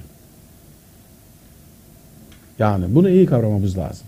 Şimdi kripto e, dijital dünyada robotlarla evlilik gündeme gelecek. Şeyi değiştirmek için fıtratı, sosyolojiyi. Şimdi büyük şehirde İstanbul'da, İzmir'de, Ankara'da en çok satılan robot kadın ya da robot erkek olacak. Bu görünüyor. 500 dolara düşürecekler. Bir de kumandası olacak. Şarkı söyle, bulaşık yıka, sarışın ol, esmer ol, kavga et filan gibisinden. Yani buradaki şey insanın yaşamına direkt bir müdahillik olacak. Bunlar bizde genelde ürünü konuşuyoruz. Yani şu bunu böyle attığımda ben e, kedi bunun peşine koşar değil mi? Bunu bir insan atarsam bunun peşine mi koşar? Ne atıyorsun diye benim üstüme koşar değil mi? Şimdi teknoloji ürünlerin peşine koşuyoruz biz. Onu üreten aklın değil. Bakın ekranlara lütfen. Eşek kadar adamlar güya teknik öğrenmişler. O robot çıktı, bu robot çıktı, iyicik filan. Ya kardeşim bunu çıkartan akıldan bahsetsene. Neyi nasıl değiştirmek istiyor? Bizim hayatımızı. Dijital dünya bireyselleşmeli. Evet. Bu ne demek buraya geldiğine göre toparla demek. Ben son cümlelerimi Lütfen söyleyeyim o zaman. edin, devam. Evet. Dijital dünyanın arkadaşlar bireys bireyselleşmeden dünya başarılı olamaz. Bunun için cemaatinizden, cami cemaatinizden, diğer cemaatinizden, ailenizden, akrabanızdan, hısmınızdan ayrışıp yapay zekaya endeksli birey olmanız lazım. Artırılmış gerçeklikle sahte cennetler vaadi var ya tak e, şey artırılmış gerçeklik şeyini e, cihazını kafana istediğin yere git oturduğun yerde. Bunun için ne olması lazım? Bireyselleşmenin, ailenin yok edilmesi, cemaatlerin kalkması. İşte Türkiye'deki cemaatlere saldırının arkasında da bu var. Sürekli 24 saat sanki cem- cemaatlerde adam öldürülüyor, kesiliyor filan falan. Tecavüz ediliyor gibi bir algı oluşuyor. İstatistiklere baktığınızda başka bir şey var. Bu sadece Türkiye'de değil, Amerika, Batı'da da böyle. Yanlış tartışıyor çok şeyi. Kadın hakkı diye tartıştırılan şey medyada köpürtüyor. Sonra bir de susamam klibini çıkarttılar değil mi? Araştırdım, inceledim ben. Kaynağı buldum. Ya burada canlı yayında söylüyorum. İstihbaratçı arkadaşlara. Ya sizin hiç aklınız yok mu arkadaşlar? Bu klibi finanse ben görüyorsam siz niye görmüyorsunuz? Bir ülkede 25 tane rapçi var toplasan bir gecede hepsini topluyor 3 tane rap klibi yapıyor biri. Ya bu rapçiler yan yana gelecek adamlar değil. Yani genel evi patronunun namus mitingi düzenlemesi gibi bu e, bu buradaki uyuşturucudan yakalanmışların da topluma namus ayarı vermesi gibi bir şey. Kim bunları bir araya getirdi? 5 Eylül'ü 6 Eylül'e bağlayan gecenin anlamı şuydu. 6 Eylül'de CHP İl Başkanı Canan e, Kaftancıoğlu'nun mahkemesi vardı tutuklanacağı varsayılıyordu. Fakat ne hikmetse devlet cezayı verdi verdi tutuklamadı. 9 yıl güdüğü aldı ama 2 yılı bulmadığı için tutuklanmadı. Onun tutuklanacağını varsayan akıl susamam üstünden tüm topluma yönelik bir operasyon çekti. Fakat devlet bir adım önde gitti ki tutuklamadı. Yani bizdeki akıl bir daha önde gitmiş. Dolayısıyla burada bir olay yapılıyorsa bir eylem arkasında arka akla lazım. Şimdi Bizim kendi yerel şahsi problemlerimiz olabilir. O Susamam'daki çocuklar hükümete saldırıyor, saldırıyor, saldırıyor. Fakat hükümet değil, devlete saldırıyor, polise saldırıyor. Zor şartlarda çalışan. Yani kardeşim susamayacaksan 100 yıldır Afro-Avrasya'yı bombalayan emperyalizmin uçakları var. Şehirleri yıkıyor. Musul, Halep, işte Bosna'yı gördük. Ona susma. Yemen. PKK'ya susma, Yemen'e susma, Libya'ya susma, FETÖ'ye susma. Yani Türk devletinin polisine mi baş kaldırıyorsun sen? Bu çocukların hiçbir suç suçlu diye bakmıyorum. Bunlar garibandır. Neye, kimin kendini yönettiğini bilmez. Parayı veren öttürürdü diyor. Bize de düşer. O aklı kimin? Ben onu bir televizyon kanalında o aklın kime ait olduğunu isim olarak da verdim. Eğer araştırıldığında tüm para hareketleri falan ortaya çıkar. Öyle düşünüyorum şahsen. FETÖ. Nasıl olduğunu anlattım şeyi. Çünkü bakın ulus devletlerdeki temel problem şu. Bir problem varsa bir kişiye karşı, muhtara karşı, belediye başkanına karşı ilçenin o problemi hemen gelip başka bir akıl el atıyor, terörize ediyor anında. Oysa ki o insanlar haklı kendine göre. Ama o geliyor onun haklı şeyini alıp organize ettiğinde haksız konuma düşürüyor. İnsanların samimi baş kaldırısı hikayesi de olmuyor böylece. Teröre dönüştürüyor. He? Provokasyon yapıyor. Neyse o şeylere geçmiyorum. Arkadaşlar dijital dünyada konu uzun. Bu 21. yüzyılda endüstriyel atölye Çin, Çin oradan malzeme üretilecek. 3 şehir modeli var. Mega şehir, smart şehir, lojistik şehir. Türkiye'de Alibaba Alibaba geldi, Amazon geldi. Niye? Lojistik şehir kurulacak. Mersin, eee Kocaeli, Trakya tarafı Ege. Ali Baba'dan verdiğimiz sipariş bize 24 saat içinde teslim edilecek. Burada ne olacak? Market sahipleri rekabet edemeyecek Çin'le. Çünkü Ali Baba'dan ver öğleden sonra evine gelsin. Türkiye bunu düşünmeli. Yani biz şu an Çin'le yarışıyoruz. Niye? Çin uzak olduğu için biz Orta Doğu'ya, Afrika'ya, Balkanlara mal satıyoruz. E Çin Türkiye'ye gelirse e bunu oturup tartışmamız lazım. Genel şey bu arkadaşlar. Sorularla bundan sonra devam ederiz. Bir vizyon olsun diye Evet. hiçbir şeyin detayına girmedim. Teşekkür ederim dinlediğiniz Ben için. çok teşekkür ediyorum. Çok e, ufuk açıcı oldu. Tabii en önemlisi esas bu aklın Hazreti Adem'den beri mücadelenin kökeni olan şeytani bir e, mücadeleyle rahmani bir mücadelenin olduğu gerçeği ortada. Evet. Yani dolayısıyla mücadele Tabii. ettiğimiz şey şeytani akıl. Tabii. Dolayısıyla firavunlaşmış dünya sistemi e, baş kaldırıyor Allahu Teala'ya. Dolayısıyla inşallah bir Musa çıkacak. Bu firavun sistemini yok edeceğiz. İnşallah. Ama bu Musa da durduğu yerde çıkmaz. Bizim çabalarımızla, anlayışlarımızla, öngörülerimizle sizin tespit ettiğiniz gerçekleri görerek böyle bir davranış biçimi ortaya çıkacak. Dolayısıyla inşallah e, bu şeytani aklı doğru okumak lazım. Bir de bir gerçek var. Türkiye'deki problemleri düşünürken çok güzel satır arasında ifade ettiniz. Dünyadan bağımsız düşünmenin, değerlendirmenin gerçekçi olmadığı da gerçeği ortada. Dolayısıyla kendi iş problemlerimizle meşgul olurken uluslararası şeytani sistemin bizi manipüle ettiği şeyi de gerçeği de göz ardı etmemek gerektiğini çok güzel şekilde ifade ettiniz. Tabii bir yol, bir kuşak projesi çok önemli. Çin kendi başına bağımsız bir yapı olmadı. Genetikleriyle aslında emperyalist e, genetiğe sahip olmamakla beraber küreselcilerin onu manipüle ettiği, işbirliği ettiği ort- ortada. Orada bir şey söyleyeyim. Çin küreselciler tarafından kurgulanmış bir sistem. Evet. Yani Kendi Mao'nun genetiklerinden kaynaklanan bir şey değil. değil. Mao'nun Maliye Bakanlığı'nın adı İsrail Abstein'di. Mao'nun propagandadan sorumlu bakanlık adı Jacob'tu. Danışmanlığı. O, bunları ben Twitter'da yayınlamıştım. Göründüğü gibi değil. Orada 1873'te girmişler ve Çin'de komünizmi, Lenin ve Troçki aynı akıl kurguluyor. Abdülhamit Han'a çökenlerle gelip operasyon yapanlarla 1911 Çin devrimi, 1905 Rus devrimi üçünü finanse eden Jacob Fish'tir. Yani bir ekip. Dolayısıyla bir ekip çok şeyi değiştirir. Öyle kitleye kalabalığa bakmayalım. Tarihi yazanlar ekiplerdir. Küçük bir ekipleri değiştirir. İşte Başkan Erdoğan çıktı Üsküdar'dan gitti. Damgasını vurdu. Evet. Bize bir şey gösterdi. Dolayısıyla yani ekip öyle kalabalığa kitleye bakıp da moraliniz bozulmasın. Dolayısıyla Türkiye açısından da e, ekonomik olarak iyi olacağı gerçeği de orta, ortada olmakla beraber diğer yargılarımızın burada nerede olacağı, Evet. nasıl olacağı, hangi masada güçlü olup olmayacağımız şeyini göz ardı etmemek Evet. lazım Tabii. diye düşünüyorum. Evet arkadaşlar sorularınız ve katkılarınızla sırayla el kaldırırsanız mikrofonlarımız Sait. hazır. Ee, önce bu arkadaş el kaldırdı. Sonra Sait Bey'e veririz sırayla. El kaldırırsanız ben sırayla. Hocam teşekkür Evet. ederiz. Ee, şimdi bu toplumsal cinsiyet eşitliği projesinden bahsettiniz. Şimdi bizim mecliste de İstanbul Sözleşmesi ile ilgili bir e, bildiri imzalandı. Bu İstanbul Sözleşmesi'ni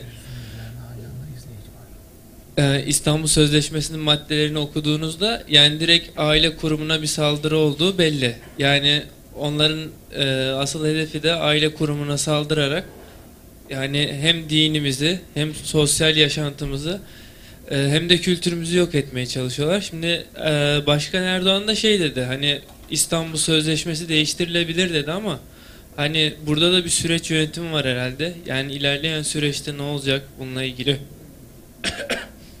Peki. Teşekkür ederiz. Evet. Teşekkür ederim. Arkadaşlar toplumsal cinsiyet eşitliği Avrupa Birliği müktesadına 2007 yılında giriyor. 2007'ye kadar Avrupa'da konuşulan bir şey değil. Araştırdım ipin ucunu. New York'ta bir tank, think tankta geliştiriliyor. Finansörü New York'ta, Amerika'da. İşte o Tavistock merkezli sosyolojinin değişimi, insan fıtratının değişimi, hakikatin sorgulanmayacak bir insan modeli oluşturma. Şimdi Hakikati sorgulamayacak. Yani bir eşcinsel yaratılış gayesini Evet. sorulamayacak. Dolayısıyla bunun da 2015 yılında Davos'ta giden Türkiye'den gidenlere görev verildi. Türkiye'dekiler iyi niyetli bilmiyorlar. Bunu kadın erkek eşitliği bir gelişme falan diyorlar. Bunu imzalayan İstanbul Sözleşmesi'ni imzalayan o dönemin aile bakanı belediye başkanı oldu. Belediyeyle birliği başkanı oldu. Belediyeyle birliğine de koymuş. Cumhurbaşkanlığında da var. Buradan neyi Şu anlıyoruz? anda Antep Belediye Başkanı Evet. efendi. Evet. Neyi anlıyoruz? Siyasete hevesliysen önce küresel aklı ve kendi rahmaniyatını öğreneceksin. Yoksa millete gol attırırsın sürekli. Bunun için siyasete giren herkeste büyük vebal var şu saatten sonra. Bak bizim şimdi memleketimizden şu ana kadar neydi? Vekil gelirdi. Ya işte ben burada hakimim, doktorum, müteahhidim. Sülalemiz var, aşiretimiz var. Namımız yürüsün, vekil olayım derdi değil mi? Onun dünya ile ilgili bir vizyonu var mı? Yok. Fakat karşımızda olanlar, bizim operasyon yapanlar uzun uzun think tanklarda, enstitülerde çalışıyorlar, proje geliştiriyorlar. Bunu da çağdaşlık önüne koyuyor, karşı çıkana da gerici damgasını vuruyor. Bu bir ilerici proje değil. Amerika'da bu anlaşıldı ve büyük kavga var. 2015 yılında 11 eyalet Obama valisi Obama'yı mahkemeye verdi.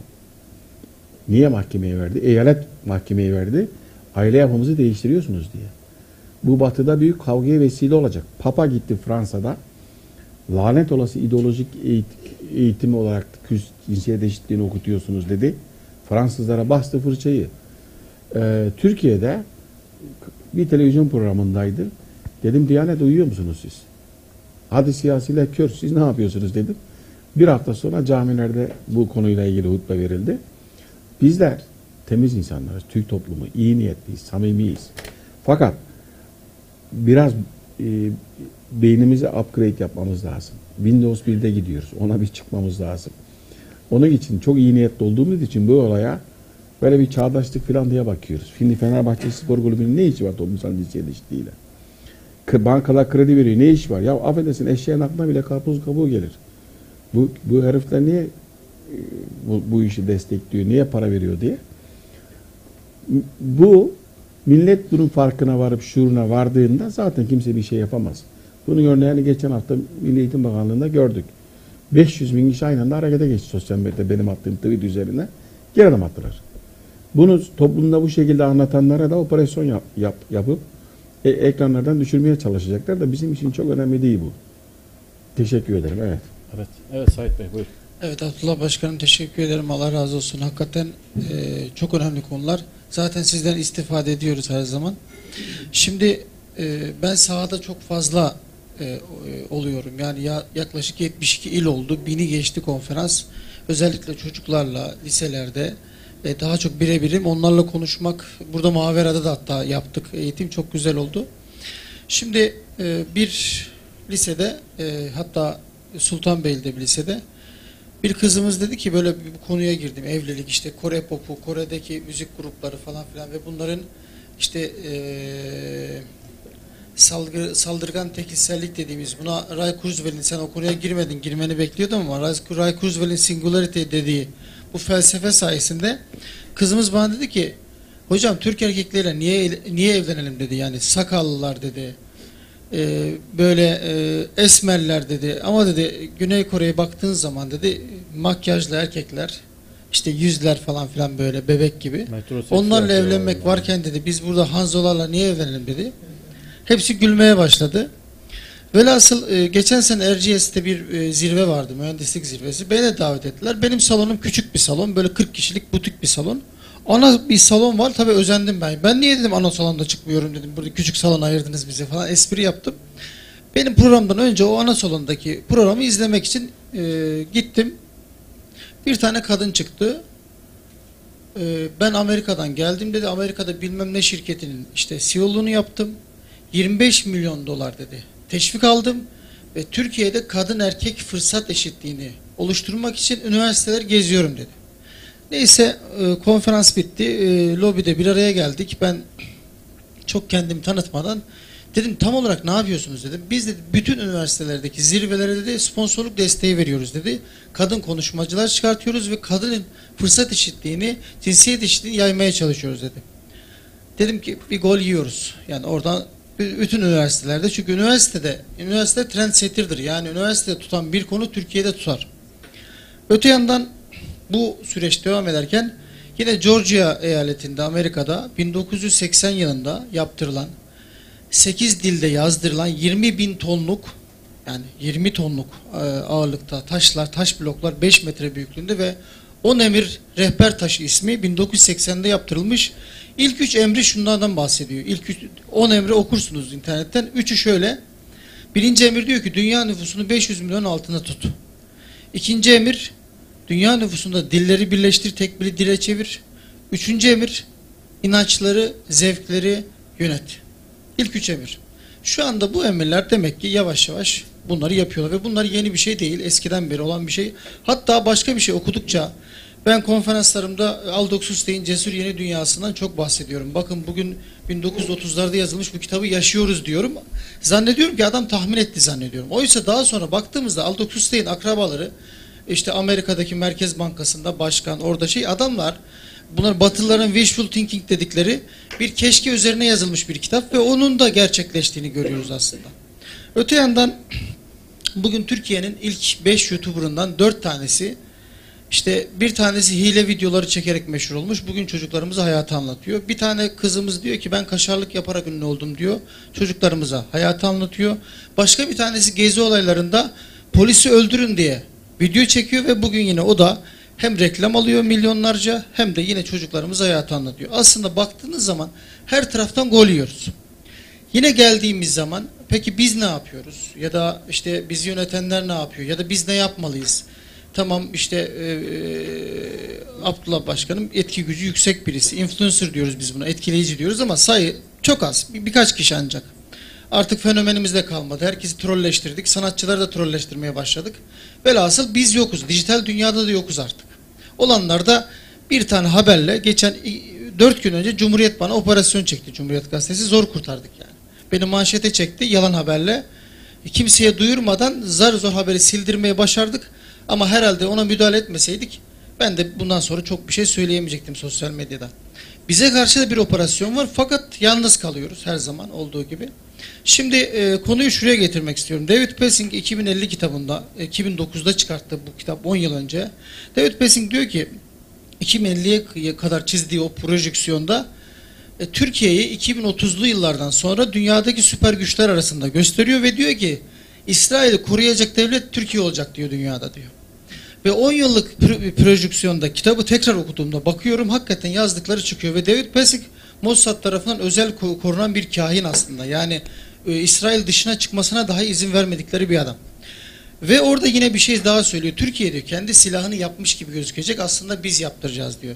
Kendi bilmem neyini yapmış gibi gözükecek. Biz yapacağız diyor. Şimdi bunu düşündüğüm zaman bakıyorum. Biz hakikaten neredeyiz? Nerede durmamız gerekiyor? Doğru yere doğru mu gidiyoruz? Evet. E, toplumsal olarak ne yapıyoruz? Yani e, bence artık büyüklerle belirli bir yaşın üzeriyle işte o Y nesli, X nesli çok bir şey yapamayacağız gibi geliyor bana. Çünkü onlar bir şey yapmak istiyor heyecanla. Velileri görüyorum. Hocam ne yapalım diyor ama bir yere kadar anlatıyorsunuz. Kopuyorlar bir yerden sonra. Biz gençleri nasıl e, kazanabiliriz bu anlamda? E, bir de bu 2050 kitabı ile ilgili ne düşünüyorsunuz hocam? Eyvallah. Teşekkür ederiz. Öncelikle çok teşekkür ederim. Aynı zamanda bilgilendik de. Şimdi dijital dünyaya geldik girdik ama yarım kaldı. Yani orada Google dizayn merkezi dünyanın bir arama motoru değil. Google'un yöneticileri de bu işin felsefesini yürütenler. 20. yüzyılda felsefe teorik de şimdi pratik düşündüğünü icra ediyor. Bunların görünen yüzlerden birisi Ray Kurzweil. İki tane önemli kitabının ismini söyleyeyim. Birincisi İnsanlık 2.0. Diyorlar ki Tanrı'nınki 1.0, bizimki 2.0 diyor. İnsan 2.0. Tanrı malzemeden çalmış. Biz şimdi gerçek insanı yapıyoruz. Eklemini, kaslarını, gözlerini, kulaklarını güçlendiriyoruz. Yeni bir insan var. Bu gerçeklik algısı değişiyor diyor. İkincisi de bir zihin inşa etmek. Şu an sosyal medya dünyanın en büyük eğitim alanı. Sosyal medyada 20. yüzyılda kontrol ettikleri cemaatler üstünden insan kaynağını yönetirken işte bu FETÖ, Mun tarikatı filan böyle bir yönetirken bir tane hoca görünümlü istihbaratçıyı bulup peşine binleri takıyorlar, milyonları takıyorlar. 21. yüzyılda Sayit Başkan'ın söylediği sanal şeyhler, YouTuber'lar kendiliğinden çıkmıyor. Yani YouTube'da sizi 80 milyon kişi izlese bile hikaye.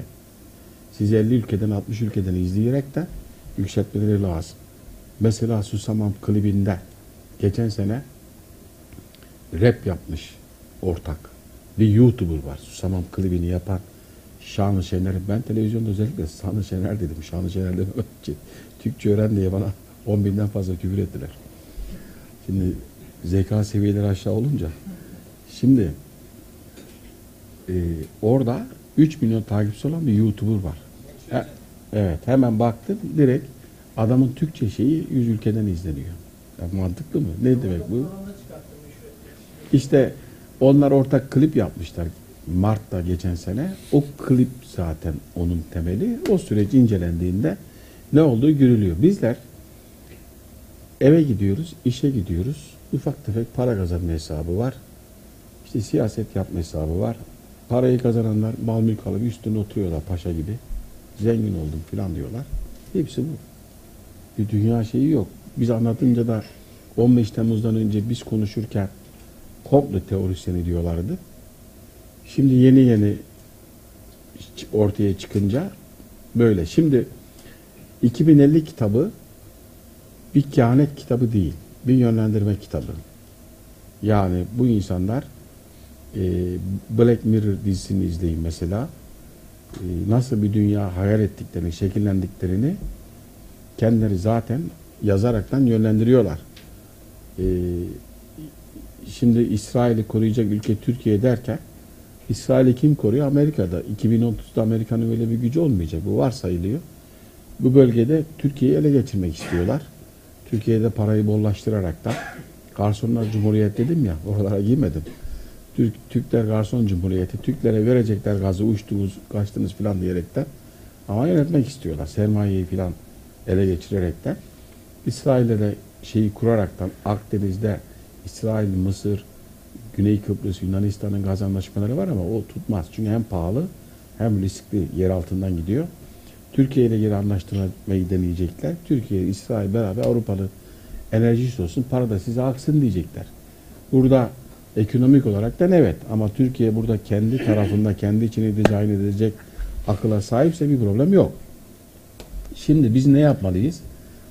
Burada sosyal medya, dijital dünya ve orada yükselen idoller, sanal şeyhler, kurgu yükseltiliyor. en yüksek olan şey kim? Bir eşcinsel. Yani 2015'te o kişinin ismini verdim. Bak bunu izleyin dedim. Twitter at, tweet atmıştım. Bak bunu izleyin. En şey bu olacak diye. Çünkü görünüyor. Bir akıl oynuyor.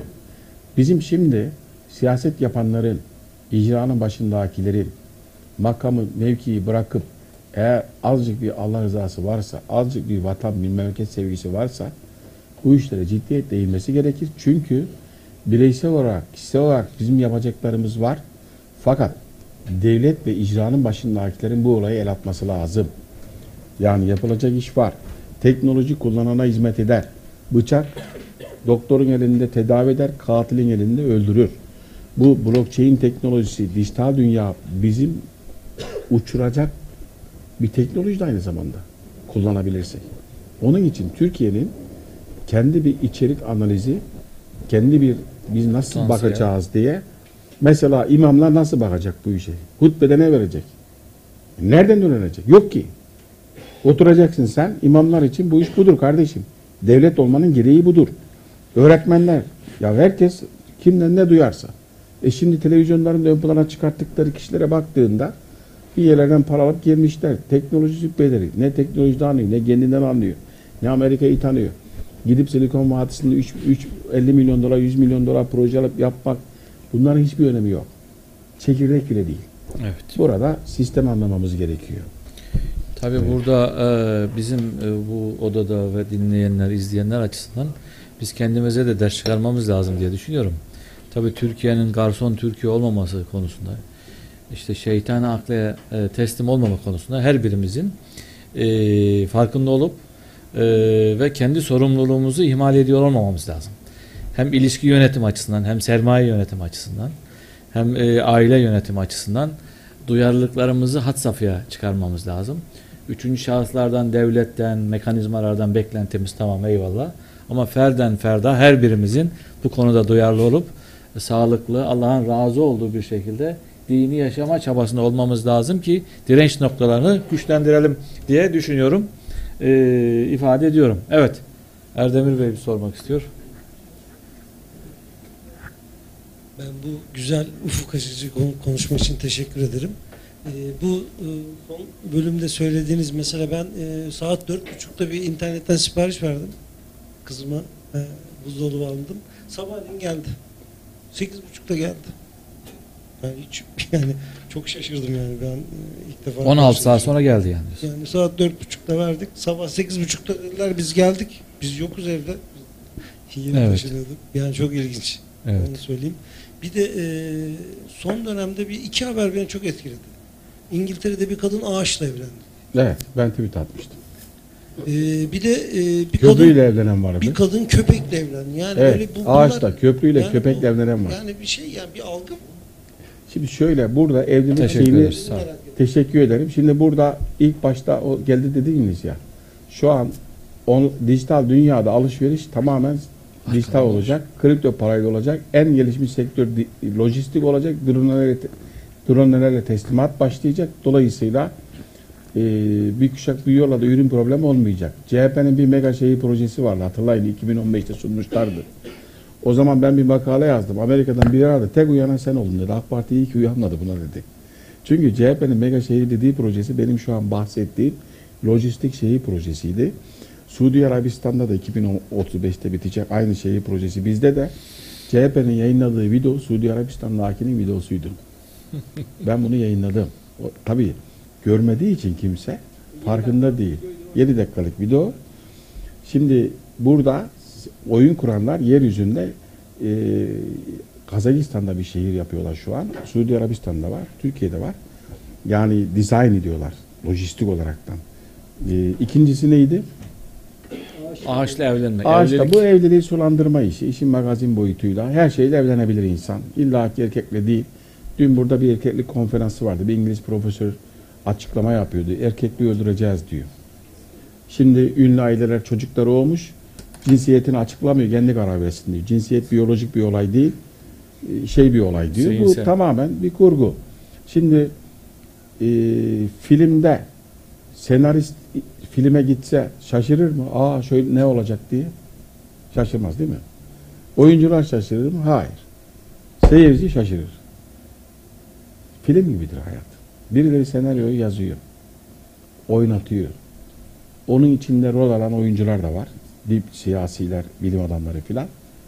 Bir tiyatro oynanıyor. Şimdi insanlık ya bu tiyatroyu görür, bir çeki düzen verir kendine ya da güle oynaya gelişiyoruz filan diye 4000 yıl geriye gider. Şu an bizi ileriye götürmüyorlar, geriye götürüyorlar. Fakat öyle bir illüzyon bir şey ki bu, büyülenmiş gibi bilim adamından şeyine kadar. Sonra baktığımda artık statü, titir, makam, ünvan hiç önemli değil. 150 küsur general çıktı değil mi FETÖ'cü? Emniyetçi çıktı, yargıç çıktı, hakim çıktı, müdür çıktı değil mi? FETÖ bunları bir top sahasına toplasa, öyle bir ıslık çalıp domalın lan dese. Domalır mı? Batı'dakiler de böyle. Bu nedenle ekranda konuşanın titrine çok bakmayın. Üç kuruşluk adam çoğu. Ne dünyayı tanıyorlar, ne kendilerini tanıyorlar. Batı'nın üçüncü sınıf think tanklarında şeyi tekrar ediyorlar. Aynen öyle. Evet. Evet. teşekkür ederiz. Buyurun. E, Merhabalar hocam.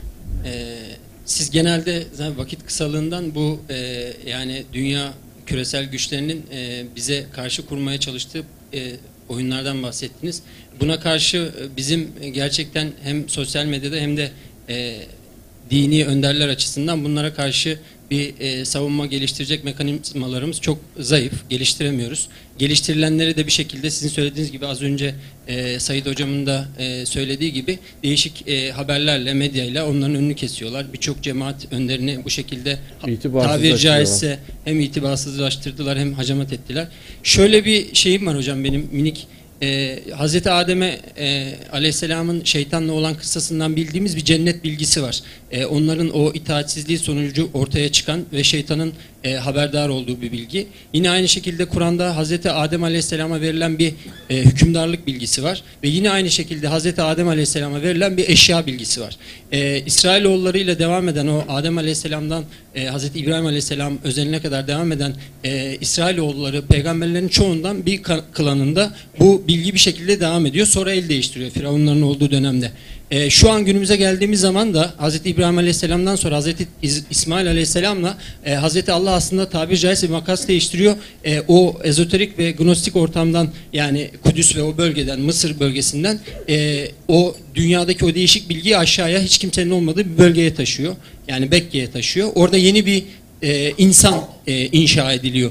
O makastan sonra şu günümüze geldiğimiz dönemde bu e, aslında Hazreti Adem'e e, ait olan bilgi e, İsrailoğulları zihniyle e, bütün e, bu günümüze kadar sizin söylediğiniz o e, yani işte Hazar'dan devam eden Yahudi aklının Babil, Asur işte ne bileyim oradan devam eden aklı, akılla dünya üzerindeki şu an yönetimlerinin e, e, etki eden Evet, bir şeyden doğru. bilgiden bahsediyoruz. Biz de buna karşı e, Allah acaba bize şunu mu söylemiş olmalı? Ben çünkü bana bu konuda soru soran arkadaşlara şunu söylüyorum. Yani ne yapacağız? E, yani biz e, Allah bize İbrahim Aleyhisselam'la bir e, tabiri caizse bir makas değiştirdiyse biz o pislikten uzak duracağız. Yani sizin söylediğiniz o sosyal medyada gerçekten e, savunmasız bireylerin e, bir şekilde var olma savaşı vermesi bana çok e, şey geliyor, ütopik geliyor. Olmuyor da. Yani vaktinden veriyor, onlarla savaş ediyor, bir şeyler yapıyor. Kendi değerlerine de karşı e, birçok e, taviz vermiş oluyor. Yani bu dönemde aslında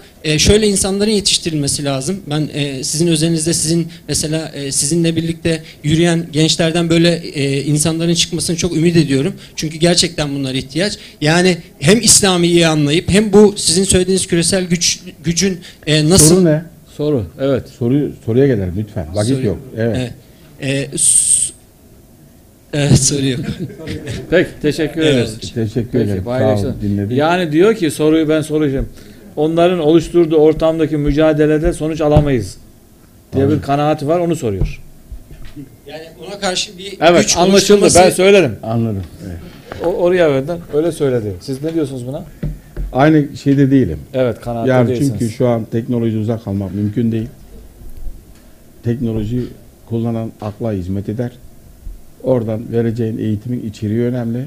Sosyal medya en büyük eğitim alanıdır. Onlar da eğitir, biz de eğitiriz. Yok saymak Fakat mümkün değil. bizde yani. şimdi önemli olan bundan sonra siyaset yapanları Türkiye'deki seçimin kaderini de sosyal medya değiştiriyor. Toplumun kaderini de değiştiriyor. Buradaki olaylar. Fakat bizde siyaset yapanlar sosyal medyayı henüz anlamış değil. Bilgisayar kullanmıyor. Bir Evet. zaman birine bir müsteşarın birine dedi ki şu adam müsteşar olacak dedi. Onun arkadaşı. Müsteşar olunca zor olur. Gel dedi biraz konuşalım dedi. Gittik. Bir yerde vahiydi. Bir saat anlattım dijital dünya filan. Böyle dikkatle dinleri dinledi. En son dedi ki, ya ben bilgisayar kullanmayı bilmiyorum dedi. evet. Geçelim. Evet, Türkiye'nin durum durumu ortada. Evet, buyurun. Pardon. Osman. Hayırlı Buyurun. akşamlar diliyorum Üstad. Allah razı olsun. Müstefid olduk. Ee, konuşmanızın başından beri belirli terimleri Hızlı soruya geçersek vaktimiz azaldı hemen lütfen. Terimleri ifade ettiniz. İşte kripto para dedik, nesnelerin interneti dedik, blockchain dedik. Bir başka terim daha var. Çok fazla zikredilmiyor. Ee, transhumanizm. Hayatımızı ciddi Türkiye'den anlamda tanı- tanıttım. Evet, yani siz Evet. e, değiniyorsunuz. Fakat ne akademik dünyada ne medyada transhumanizm üzerine hiçbir şey yazılmıyor. Ee, Siz birkaç- ne kastediyorsunuz transhumanizmle? Transhumanizm e, demin hocamın da zikretmiş olduğu işte Google'un stratejistlerinin zikrettiği e, geçenlerde bir tanesinin ifadesi bir hard diskte e, bir bilgi paketinin çok yakın bir süreç içinde bir insan zihnine kopyalanacağı ve bunu şu anda gerçekleştirdiklerinden bahsediyor. Eyvallah. Bunun gerçekleşmesi durumunda insanlığın karşılaşacağı çok farklı problemler ortaya çıkacak. İnanç boyutunda da farklı problemler çıkacak. itikat boyutunda bir dünya problem çıkacak. Bunlar hiç tartışılmıyor. Ee, Mehmet abi özellikle sizden istirham ediyorum. Ee, Kırk- Kırklareli Üniversitesi'nde zanneten Ahmet Dağ, doçent bir arkadaş var. Bu konuda çok ciddi anlamda Ahmet? çalış- Ahmet Dağ. Doçent Doktor Ahmet Dağ ciddi çalışmaları var. Ee, bir programa davet ederseniz hakikaten istifade ederiz. Hocamdan özellikle transhumanizm özelinde kaç kelam Peki, istirham ediyoruz. Sağ olun. Şimdi şöyle bakın. Ka- teknolojiyi geliştiren aklın pagan. Ana geliştiren akıl. Pagan. Batının arka planı pagandır. Şimdi bu akıl kendi her şeyi bir anlayışı var. Bizdeki Muhittin Arabi Hazretleri'nin vahdedi vücudu gibi onlarınki farklı. Her şey bir. Bir tanrı var. Onlar da tanrının bir parçası. Mesela bizde büyük holdingler yemekte hep dua eder. Orada çalışanlar der ki ya ne inançlı insanlar filan der. Ya ona başka bir şey inanıyor. Dua ediyor da bizimki gibi değil. Dolayısıyla e, onlar e, teknolojiyle kendi inançlarının ispatı da çalışıyorlar. Yani biyolojik platform, vücut, teknolojik e, nesne, nesnelerin fiziki platform diyelim kalem, bu da dijital platform. Üçünün birleştiğinde ne olur? Her şey bir olur. Üçü neyle birleşir? Biyometrik çiple birleşir. Deri artına çipi takıldığında birleşir. Her şey bir olduğunda ne olur? Her şey onun kontrolünde. Yani e, çip takıldığında vücudunuza uzaktan sizi götürebilirler. Halüsinasyon gördürür filan. Şimdi transhümanizm yeni dünyanın dini ilan edecekler. Yeni din. Hazırlamışlar. 20. yüzyılda e, Marksizm üretilirken Marx Engels değil. Onların hocası Haham Moses Hesver. Konsey üyesi. Fabrika, işçi, işveren olmuşsa bir sosyoloji oluşacak. Bu sosyolojiyi biz yazalım diyorlar. Marksizmi yazıyorlar. Lenin Troçki üstünden de Rusya'da komünizmi uyguluyorlar. Yani kendiliğinden gelişen bir süreç değil. Şimdi de 21. yüzyılda yeni bir Das Kapital yazılıyor. Burada transhümanizm başrolde. Ekranlarda anlatılanlar dijital teknolojilerle insan sağlığını iyileştirilmesi, insanın uzun ömürlü edilmesi önce 200 yıl daha sonra efendim ölümsüzlüğü yakalanması diye buna yönlen, yönlendiriyorlar. Dijital teknolojilerin sağlık üstünde kullanılması muhteşem bir şey. Ben buna karşı değilim. Evet fakat burada buradaki şey bu, bu adamların kendi inançlarını gerçekleştirmek için o her şey bir yani 5G ile nesneler internete bağlanıyor. Buna singularity deniyor. Yani e, te- teknolojik tekillik deniyor. Her şey bir. Bunun da işte din olarak transhümanizmi Amerika'da partisini kurdular. Ee, Zoltan Invest benim takipçim ben onu takip ediyorum. Rusya'da da partisini kurdular. Önümüzdeki birkaç yıl içerisinde çok hızlı e, gelişecek, gir- hayatımıza girecek. Ekranlarda göreceksiniz böyle konuşanlar. ilk televizyonlarda sosyal medyayı anlatırken böyle özgürlük filan filan diye ben çıkıp anlatmaya başladıktan sonra kayboldular. İstihbarat budur diye ispat ederek anlattık. İlk televizyon programında dediğimde televizyonun dövecekti beni neredeyse. Televizyondakiler. Ya ne kadar geri bir yaklaşım bu filan falan diye. Ben dedim ki ya bunlar bir arkada bir NSA var, istihbarat var. Bunlar kendiliğinden gelişmiyor filan diye. Şimdi artık dünya biliyor onu. Dolayısıyla biz toplum olarak da algımız kapalı. Kalp gözümüz kapalı. Formatımız hikayeci. Olaylara sorulması gereken tüm soruları sormuyoruz. Ve izninizle Mehmet Bey bir şey anlatayım. Lütfen. Dedem rahmetli anlatırdı. Köyün birine şey lazım oluyor. Öğretmen. Bir öğretmen gidip müracaat ediyor. Bir de çoban elbise giyip gidiyor. Lan belki kurtulurum, öğretmen olurum diyor. İhtiyar meclisi okuma yazma bilmiyor. Hangisi öğretmen nasıl anlayacaklar? Biri diyor tahtaya koyun yazsın. Öğretmen gidip koyun yazıyor. Ne yazdı bu diyorlar anlamıyorlar. Çobana diyorlar. Çoban da koyun resmi çizmiş. Bravo diyorlar. Bulduk profesörü. Tam benzetti. Şimdi bizde teknoloji okur yazarlığı teknik yönden var, ekonomik yönden var ama onun Felsefesi yok. felsefi ve tefekkürü yok. Bu nedenle kereye geliyoruz. Kendi aydınlanmamızı yapmamız lazım öncelikle bu konularda. Teşekkür ederim. Evet. Buyurun Osman Bey. Hocam e, teşekkür ederiz. Ortak bir, iki tarafımız var. Hem stratejist hem de dijital dünya ile yakından ilgileniyorum. Ben daha somut bir şey sorayım. Ee, ekonomik olarak e, biz e, bir kuşak bir yol projesinde Çin'in tarafından mı olacağız size göre? Çünkü öngörülerinizi takip ediyorum. Çoğu e, bayağı e, isabet oranınız yüksek. Yoksa e, fiili olarak görülmese bile arkadan arkaya savaştığımız Amerika ile birlikte mi olacağız? Birinci sorun bu. İkinci sorun eee Almanların 4-0 ile Japonların 5-0 toplum 4-0 sanayi 4-0 Japonların da 5-0 toplum projesiyle alakalı kısa bir bilgi verirseniz varsa memnun oluruz. Teşekkür Evet, ederim. Şimdi Teşekkür ederiz. Türkiye, Avrupa, Hindistan, Pakistan eninde sonunda bir kuşak bir yolun yanında yer alacak. Türkiye'nin şu an entegrasyonu o yönde. Amerika'dan, çerçevede bu üçüncü köprünün inşası e, devlet buna hazırlık mı oldu yoksa o projenin sahipleri mi yaptı bunu? yani projenin sahipleri gelip sizin toprağa köprü yapalım demez. Bizim devletten bir işbirliğiyle devletin bilgisi dahilinde yapılmıştır. Sonuçta ancak televizyonlarda ben dilerine getirene kadar kimse konuşmuyordu bunu. Ben deyince millet aa ne oluyor filan dedi yani. Şimdi e, Türkiye bir kuşak bir yolun yanında yer alacak. Benim gördüğüm o.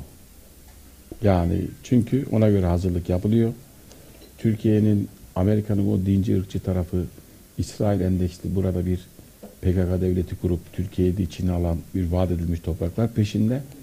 Fakat Çin'i kurgulayan akıl Siyonist değil, onun bir üstü. Her şeyi Siyonizme bağlıyoruz onun üstü mekanizma Siyonistleri köylü olarak görüyorlar. Diyorlar ya bırakın şu kadar toprak istiyorsunuz diyorlar. Biz tüm dünya biz istiyoruz diyorlar. Dolayısıyla Türkiye bir kuşak bir yolun yanında yer aldı bana göre. Aldı Alacak zaten değil. köprü Evet. yaparak. İki, Japonların, Almanların 4-0, Japonların 5-0 bunlar devlet politikası falan değil. Orada birileri seslendirdiği e, çok da temel olmayan bir şey. Ne demek 5-0? Daha yani 1-0'a gel, gelmediler ki Allah'ın yarattığı şeyi daha 1-0'a şey, 2-0'a getiremediler. Yani burada bireylerin ne dediği önemli değil. Ben oyun kuran akla bakarım. Şimdi mesela Batı'da bir sürü insan konuşuyor değil mi? Claudio Rat geldi, Yeşiller geldi, o geldi. Ben hiçbirine bakmam. Hiçbirinin önemi yok silaha eli düğmeyi basabilecek, askere emir verebilecek, paraya komut verebilecek akıl benim muhatabım. Fakat biz o akılla değil dolgu malzemeleriyle uğraşıyoruz. Onun için ana hedefe odaklanmamız lazım. Almanlar Çin'deki bir kuşak bir yolun ana yatırımcıları. Almanlar. Ana finansörleri, ana teorisyenleri. İngiliz kraliçesi de Alman. Trump da Alman. Bunlar Windsor Hanedanı, eski Hannover Hanedanı, Tottenham şövalyelerine kadar gidiyor. Ha? Değil de o ekiple sıkı fıkı işbirliğinde. Alman derken Alman ırkından bahsetmiyorum burada. Küresel mekanizmadan bahsediyorum. Almanların 4 0 Japonların 5 0 ben çok ciddiye aldığım bir şey değil. Devlet değil o çünkü. Orada biri böyle demiş desin.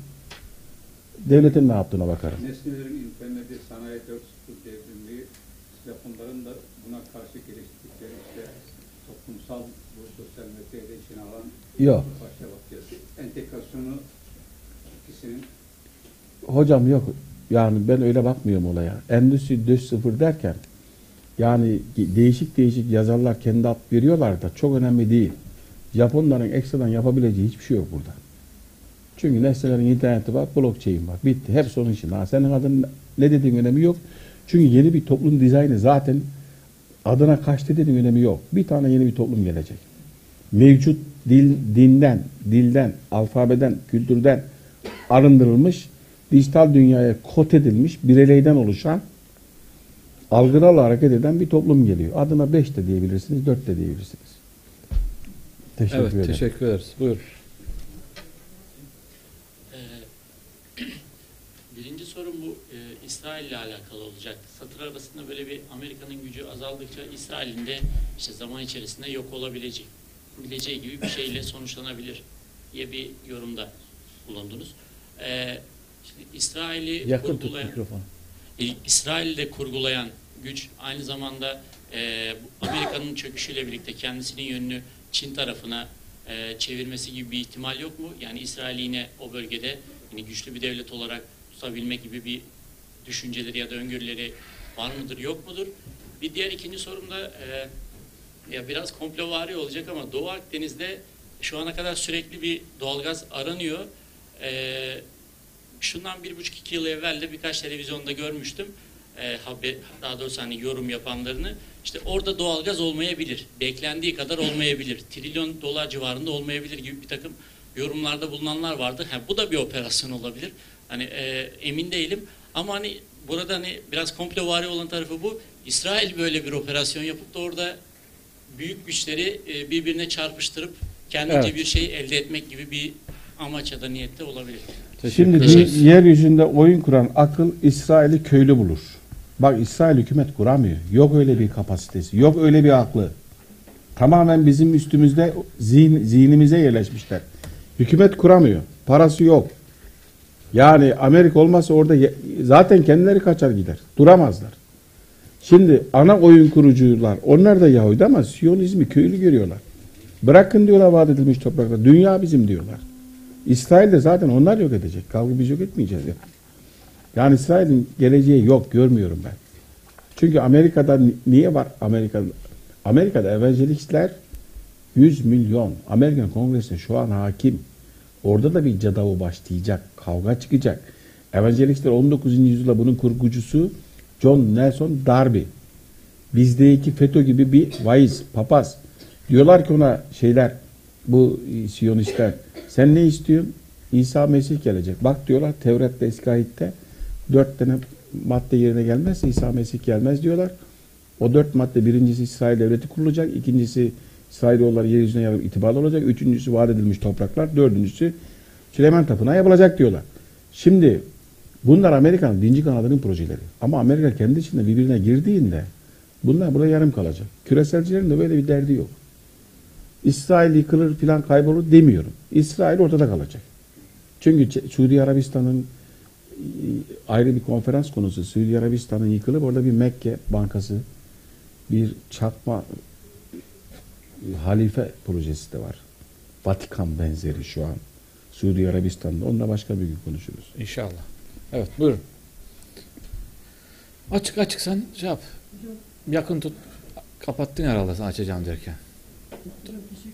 De e, benim anladığım kadarıyla konferansın ana çekirdeği şuydu herhalde. Dünyada bir küreselciler var. Bir de ezoterik örgütler var. Aslında asıl kavga bunlar, bunlar üzerinden İkisi gidiyor. bunların aynı. Anlamamışsın. Öyle mi hocam? Tabii. Yani o Siyonistler ya da Yok. evangelistler. Trump tarafı Yani bak şöyle söyleyeyim. Bir küreselci diye Evet. tabir ettiğimiz ezoterik örgütçüler var. Tamam. Bir de dinci diye tabir Dinciler var tamam. Evet. Peki bunlar e, ne zamana kadar beraberdiler ve yolları Ne zaman ayrıldı ve niçin ayrıldı? Trump, Evet. Trump- Benim anlama burayı anlayamadım yani. ya işte a- konferansın ana konusuydu zaten mübarek sen dinlemedin mi? Sen dokunma mikrofona üstad. Bak ne dedim 20. yüzyılda Amerikan devletinin yine hegemonik güç doların dünya rezerv para olarak kalmasını isteyenler Amerika'nın dinci ve ırkçı tarafı dedim. Küreselciler diyor ki Şimdi hayır Trump mı temsil ediyor bunu? Trump ortada. Ortada. Şimdi küreselciler yani onların temsilcisi gibi görünüyor ama ben gizliden gizliye bu tarafa çalıştığını düşünüyorum. Şimdi küreselciler de diyor ki hayır biz bu düzeni kurduk. Bunun sonuna geldik. Dünyayı kokuttuk diyorlar. Artık demokrasi, özgürlük, hukuk yemiyor insanlık. Yeni bir şey yapacağız diyorlar. Burada da insanlar yeni kavramlar, yeni söylemler. Yeni heyecan lazım. Yeni işbirlikleri lazım. Yani niye seçim oluyor? bir iktidar aynı kişiler 50 yıl olursa ne olur? Milletin şey, heyecanı kaçar. Seçimler niye yenileniyor? Ya ona da fırsat doğuyor, ona da doğuyor, ona da doğuyor. Bu adamlar da seçim mantığıyla hareket ediyor yüzyılda bir. Dünyaya yeni bir şans verelim diyorlar. Yeni bir oyun kuruyorlar. İşte dolayısıyla böyle iki taraf var. Bir taraf diyor ki hayır eski oyun devam etsin. Bir taraf da hayır. Yeni oyun kuruyoruz. Bu oyunda diyor Nuh tufanı gibi başlatacağım yeni diyor. Yeni bir insan fıtratı, yeni bir aile şekli, yeni bir sosyalleşme, yeni bir şehir modeli, yeni bir yaşam şekli. Reset atmak istiyor. Reset atmak istiyor yani geçmişe, tarihe. Yeni kavramlar. Bak bir örnek vereyim anlamanız için. Çamaşır makinesi tamircisi yapan bir yakınım vardı. Nasıl işler dedim. Kapattım dedi. Niye dedim. Ya dedi önceden dedi makine bozulduğunda televizyon, çamaşır makinesi biz eski makinenin bir parçasını alıp takıp yapıyoruz. Şimdi açıyoruz 1-0 1-0 görüyoruz. Yazılım geldi dedi. Dilsiz kaldık dedi. Yani genelde ekranlarda şöyle anlatıyorlar. Efendim teknoloji gelişiyor bu da onun devamı. Hayır. Bu yeni bir teknoloji. Devamı değil. Manuel teknoloji bitti. Dijital. 1-0 Bu 1-0. yeni bir numara yani. Yeni bir şey ve dilsiz. Açın kendiniz tahmin edebilir misiniz? Mümkün değil. Onun için yeni bir başlangıç. Kavramlar yeni. Mesela çocuklarınızın kullanmış olduğu kavramlarla e, yaşlıların kullandığı kavramlar aynı değil. Geçenlerde bir anne baba bana geldi. Çocukları robot konusunda master yapıyormuş. Çocuğa da utanıyoruz diyor. Hocam özel bir araya geldiler. Ya şu, nedir bu olay? E, Çocuk o kadar hızlı konuşuyor dediler. Yani çocuklarını anlamıyorlar. Master yapıyor. Düşünün yani.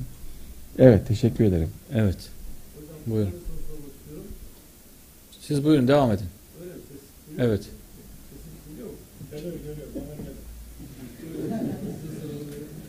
Ah bir dokunmasanız mikrofona. Evet. Merhaba hocam.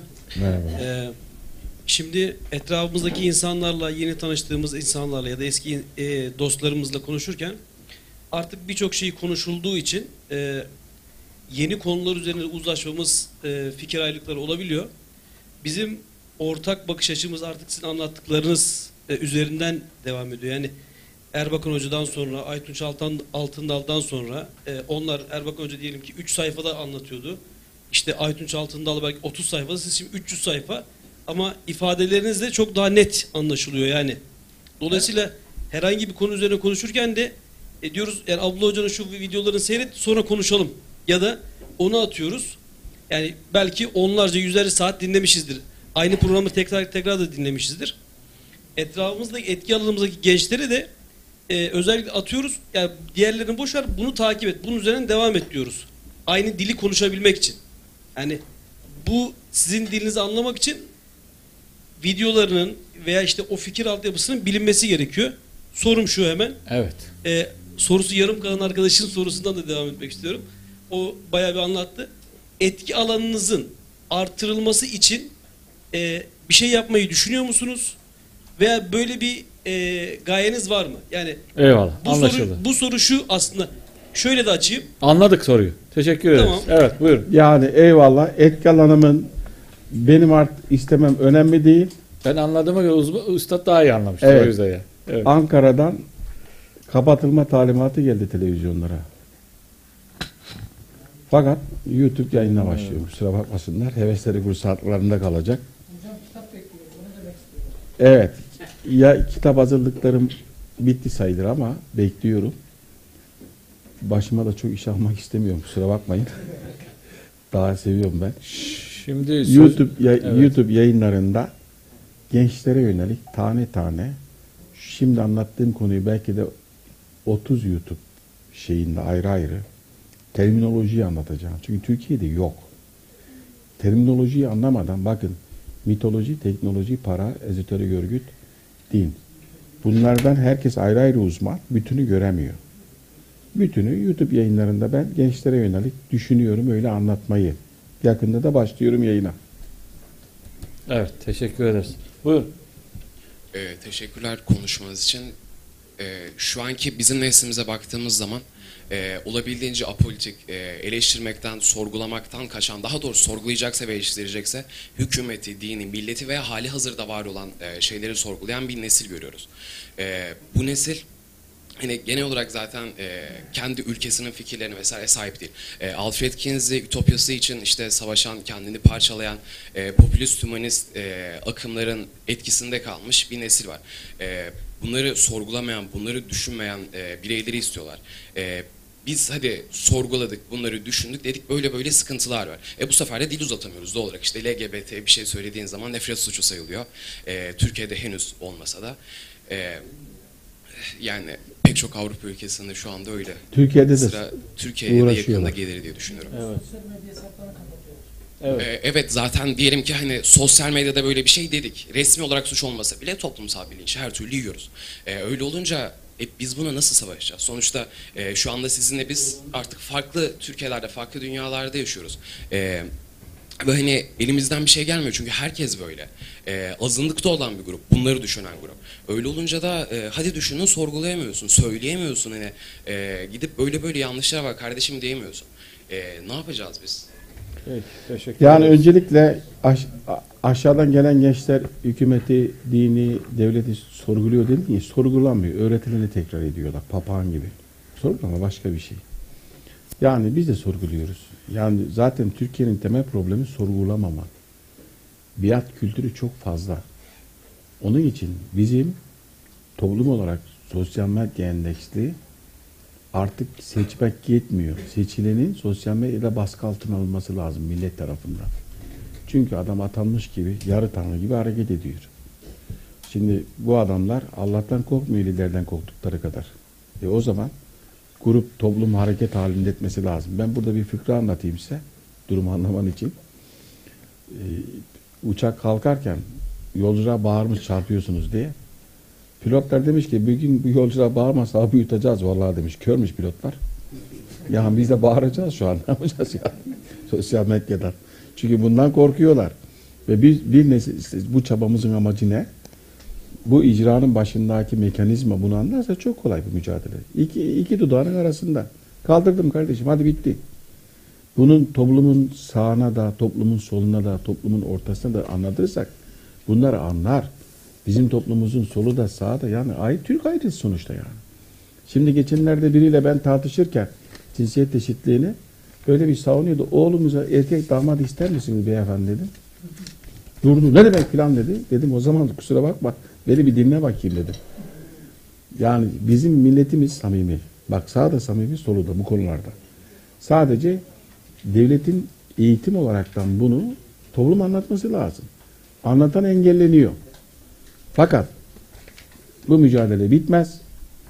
Ee, sosyal medyada bugün sosyal medya gönüllülük esasına dayanır. Parayla olacak bir iş değil. Trollerle olmaz. Bu işin babası Amerika'da strateji Benenson gruptur. Obama'ya 5-600 milyon dolar para toplatmıştır. Mesela burada da İmamoğlu para topladı biliyorsunuz. O paranın önemi yok. 5 lira alıyor, şirket orta gidiyor. Sisteme yani entegre yapıyor. Sosyal medyanın nasıl kullanılacağına dair YouTube'da birkaç seri yapacağım.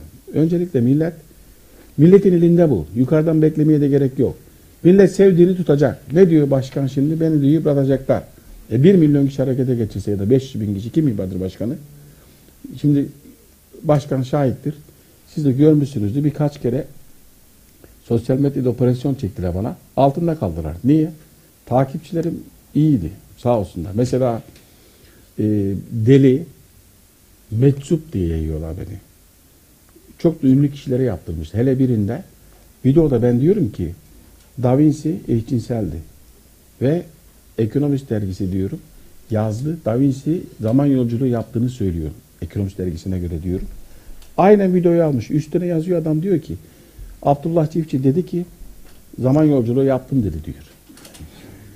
Şimdi bin kişi, binlerce kişi hoa deli meczup diyor. Lan öküz dinlesene. Orada ben başka bir şey dinliyorum. Şimdi meşhur kapıştık birkaç tane isim vermeyeyim de ünlü operasyon kanallarıyla hepsi tek tek aradı benden özür diledi. Hocam biz silelim sen de sil. Niye? Ya dediler biz AK Partililere haber operasyon çekiyor. Kimsenin gıkı çıkmıyordu. Sana çektik dediler. 3000 tane tehdit aldık dediler. Benim bilgim yok mesela.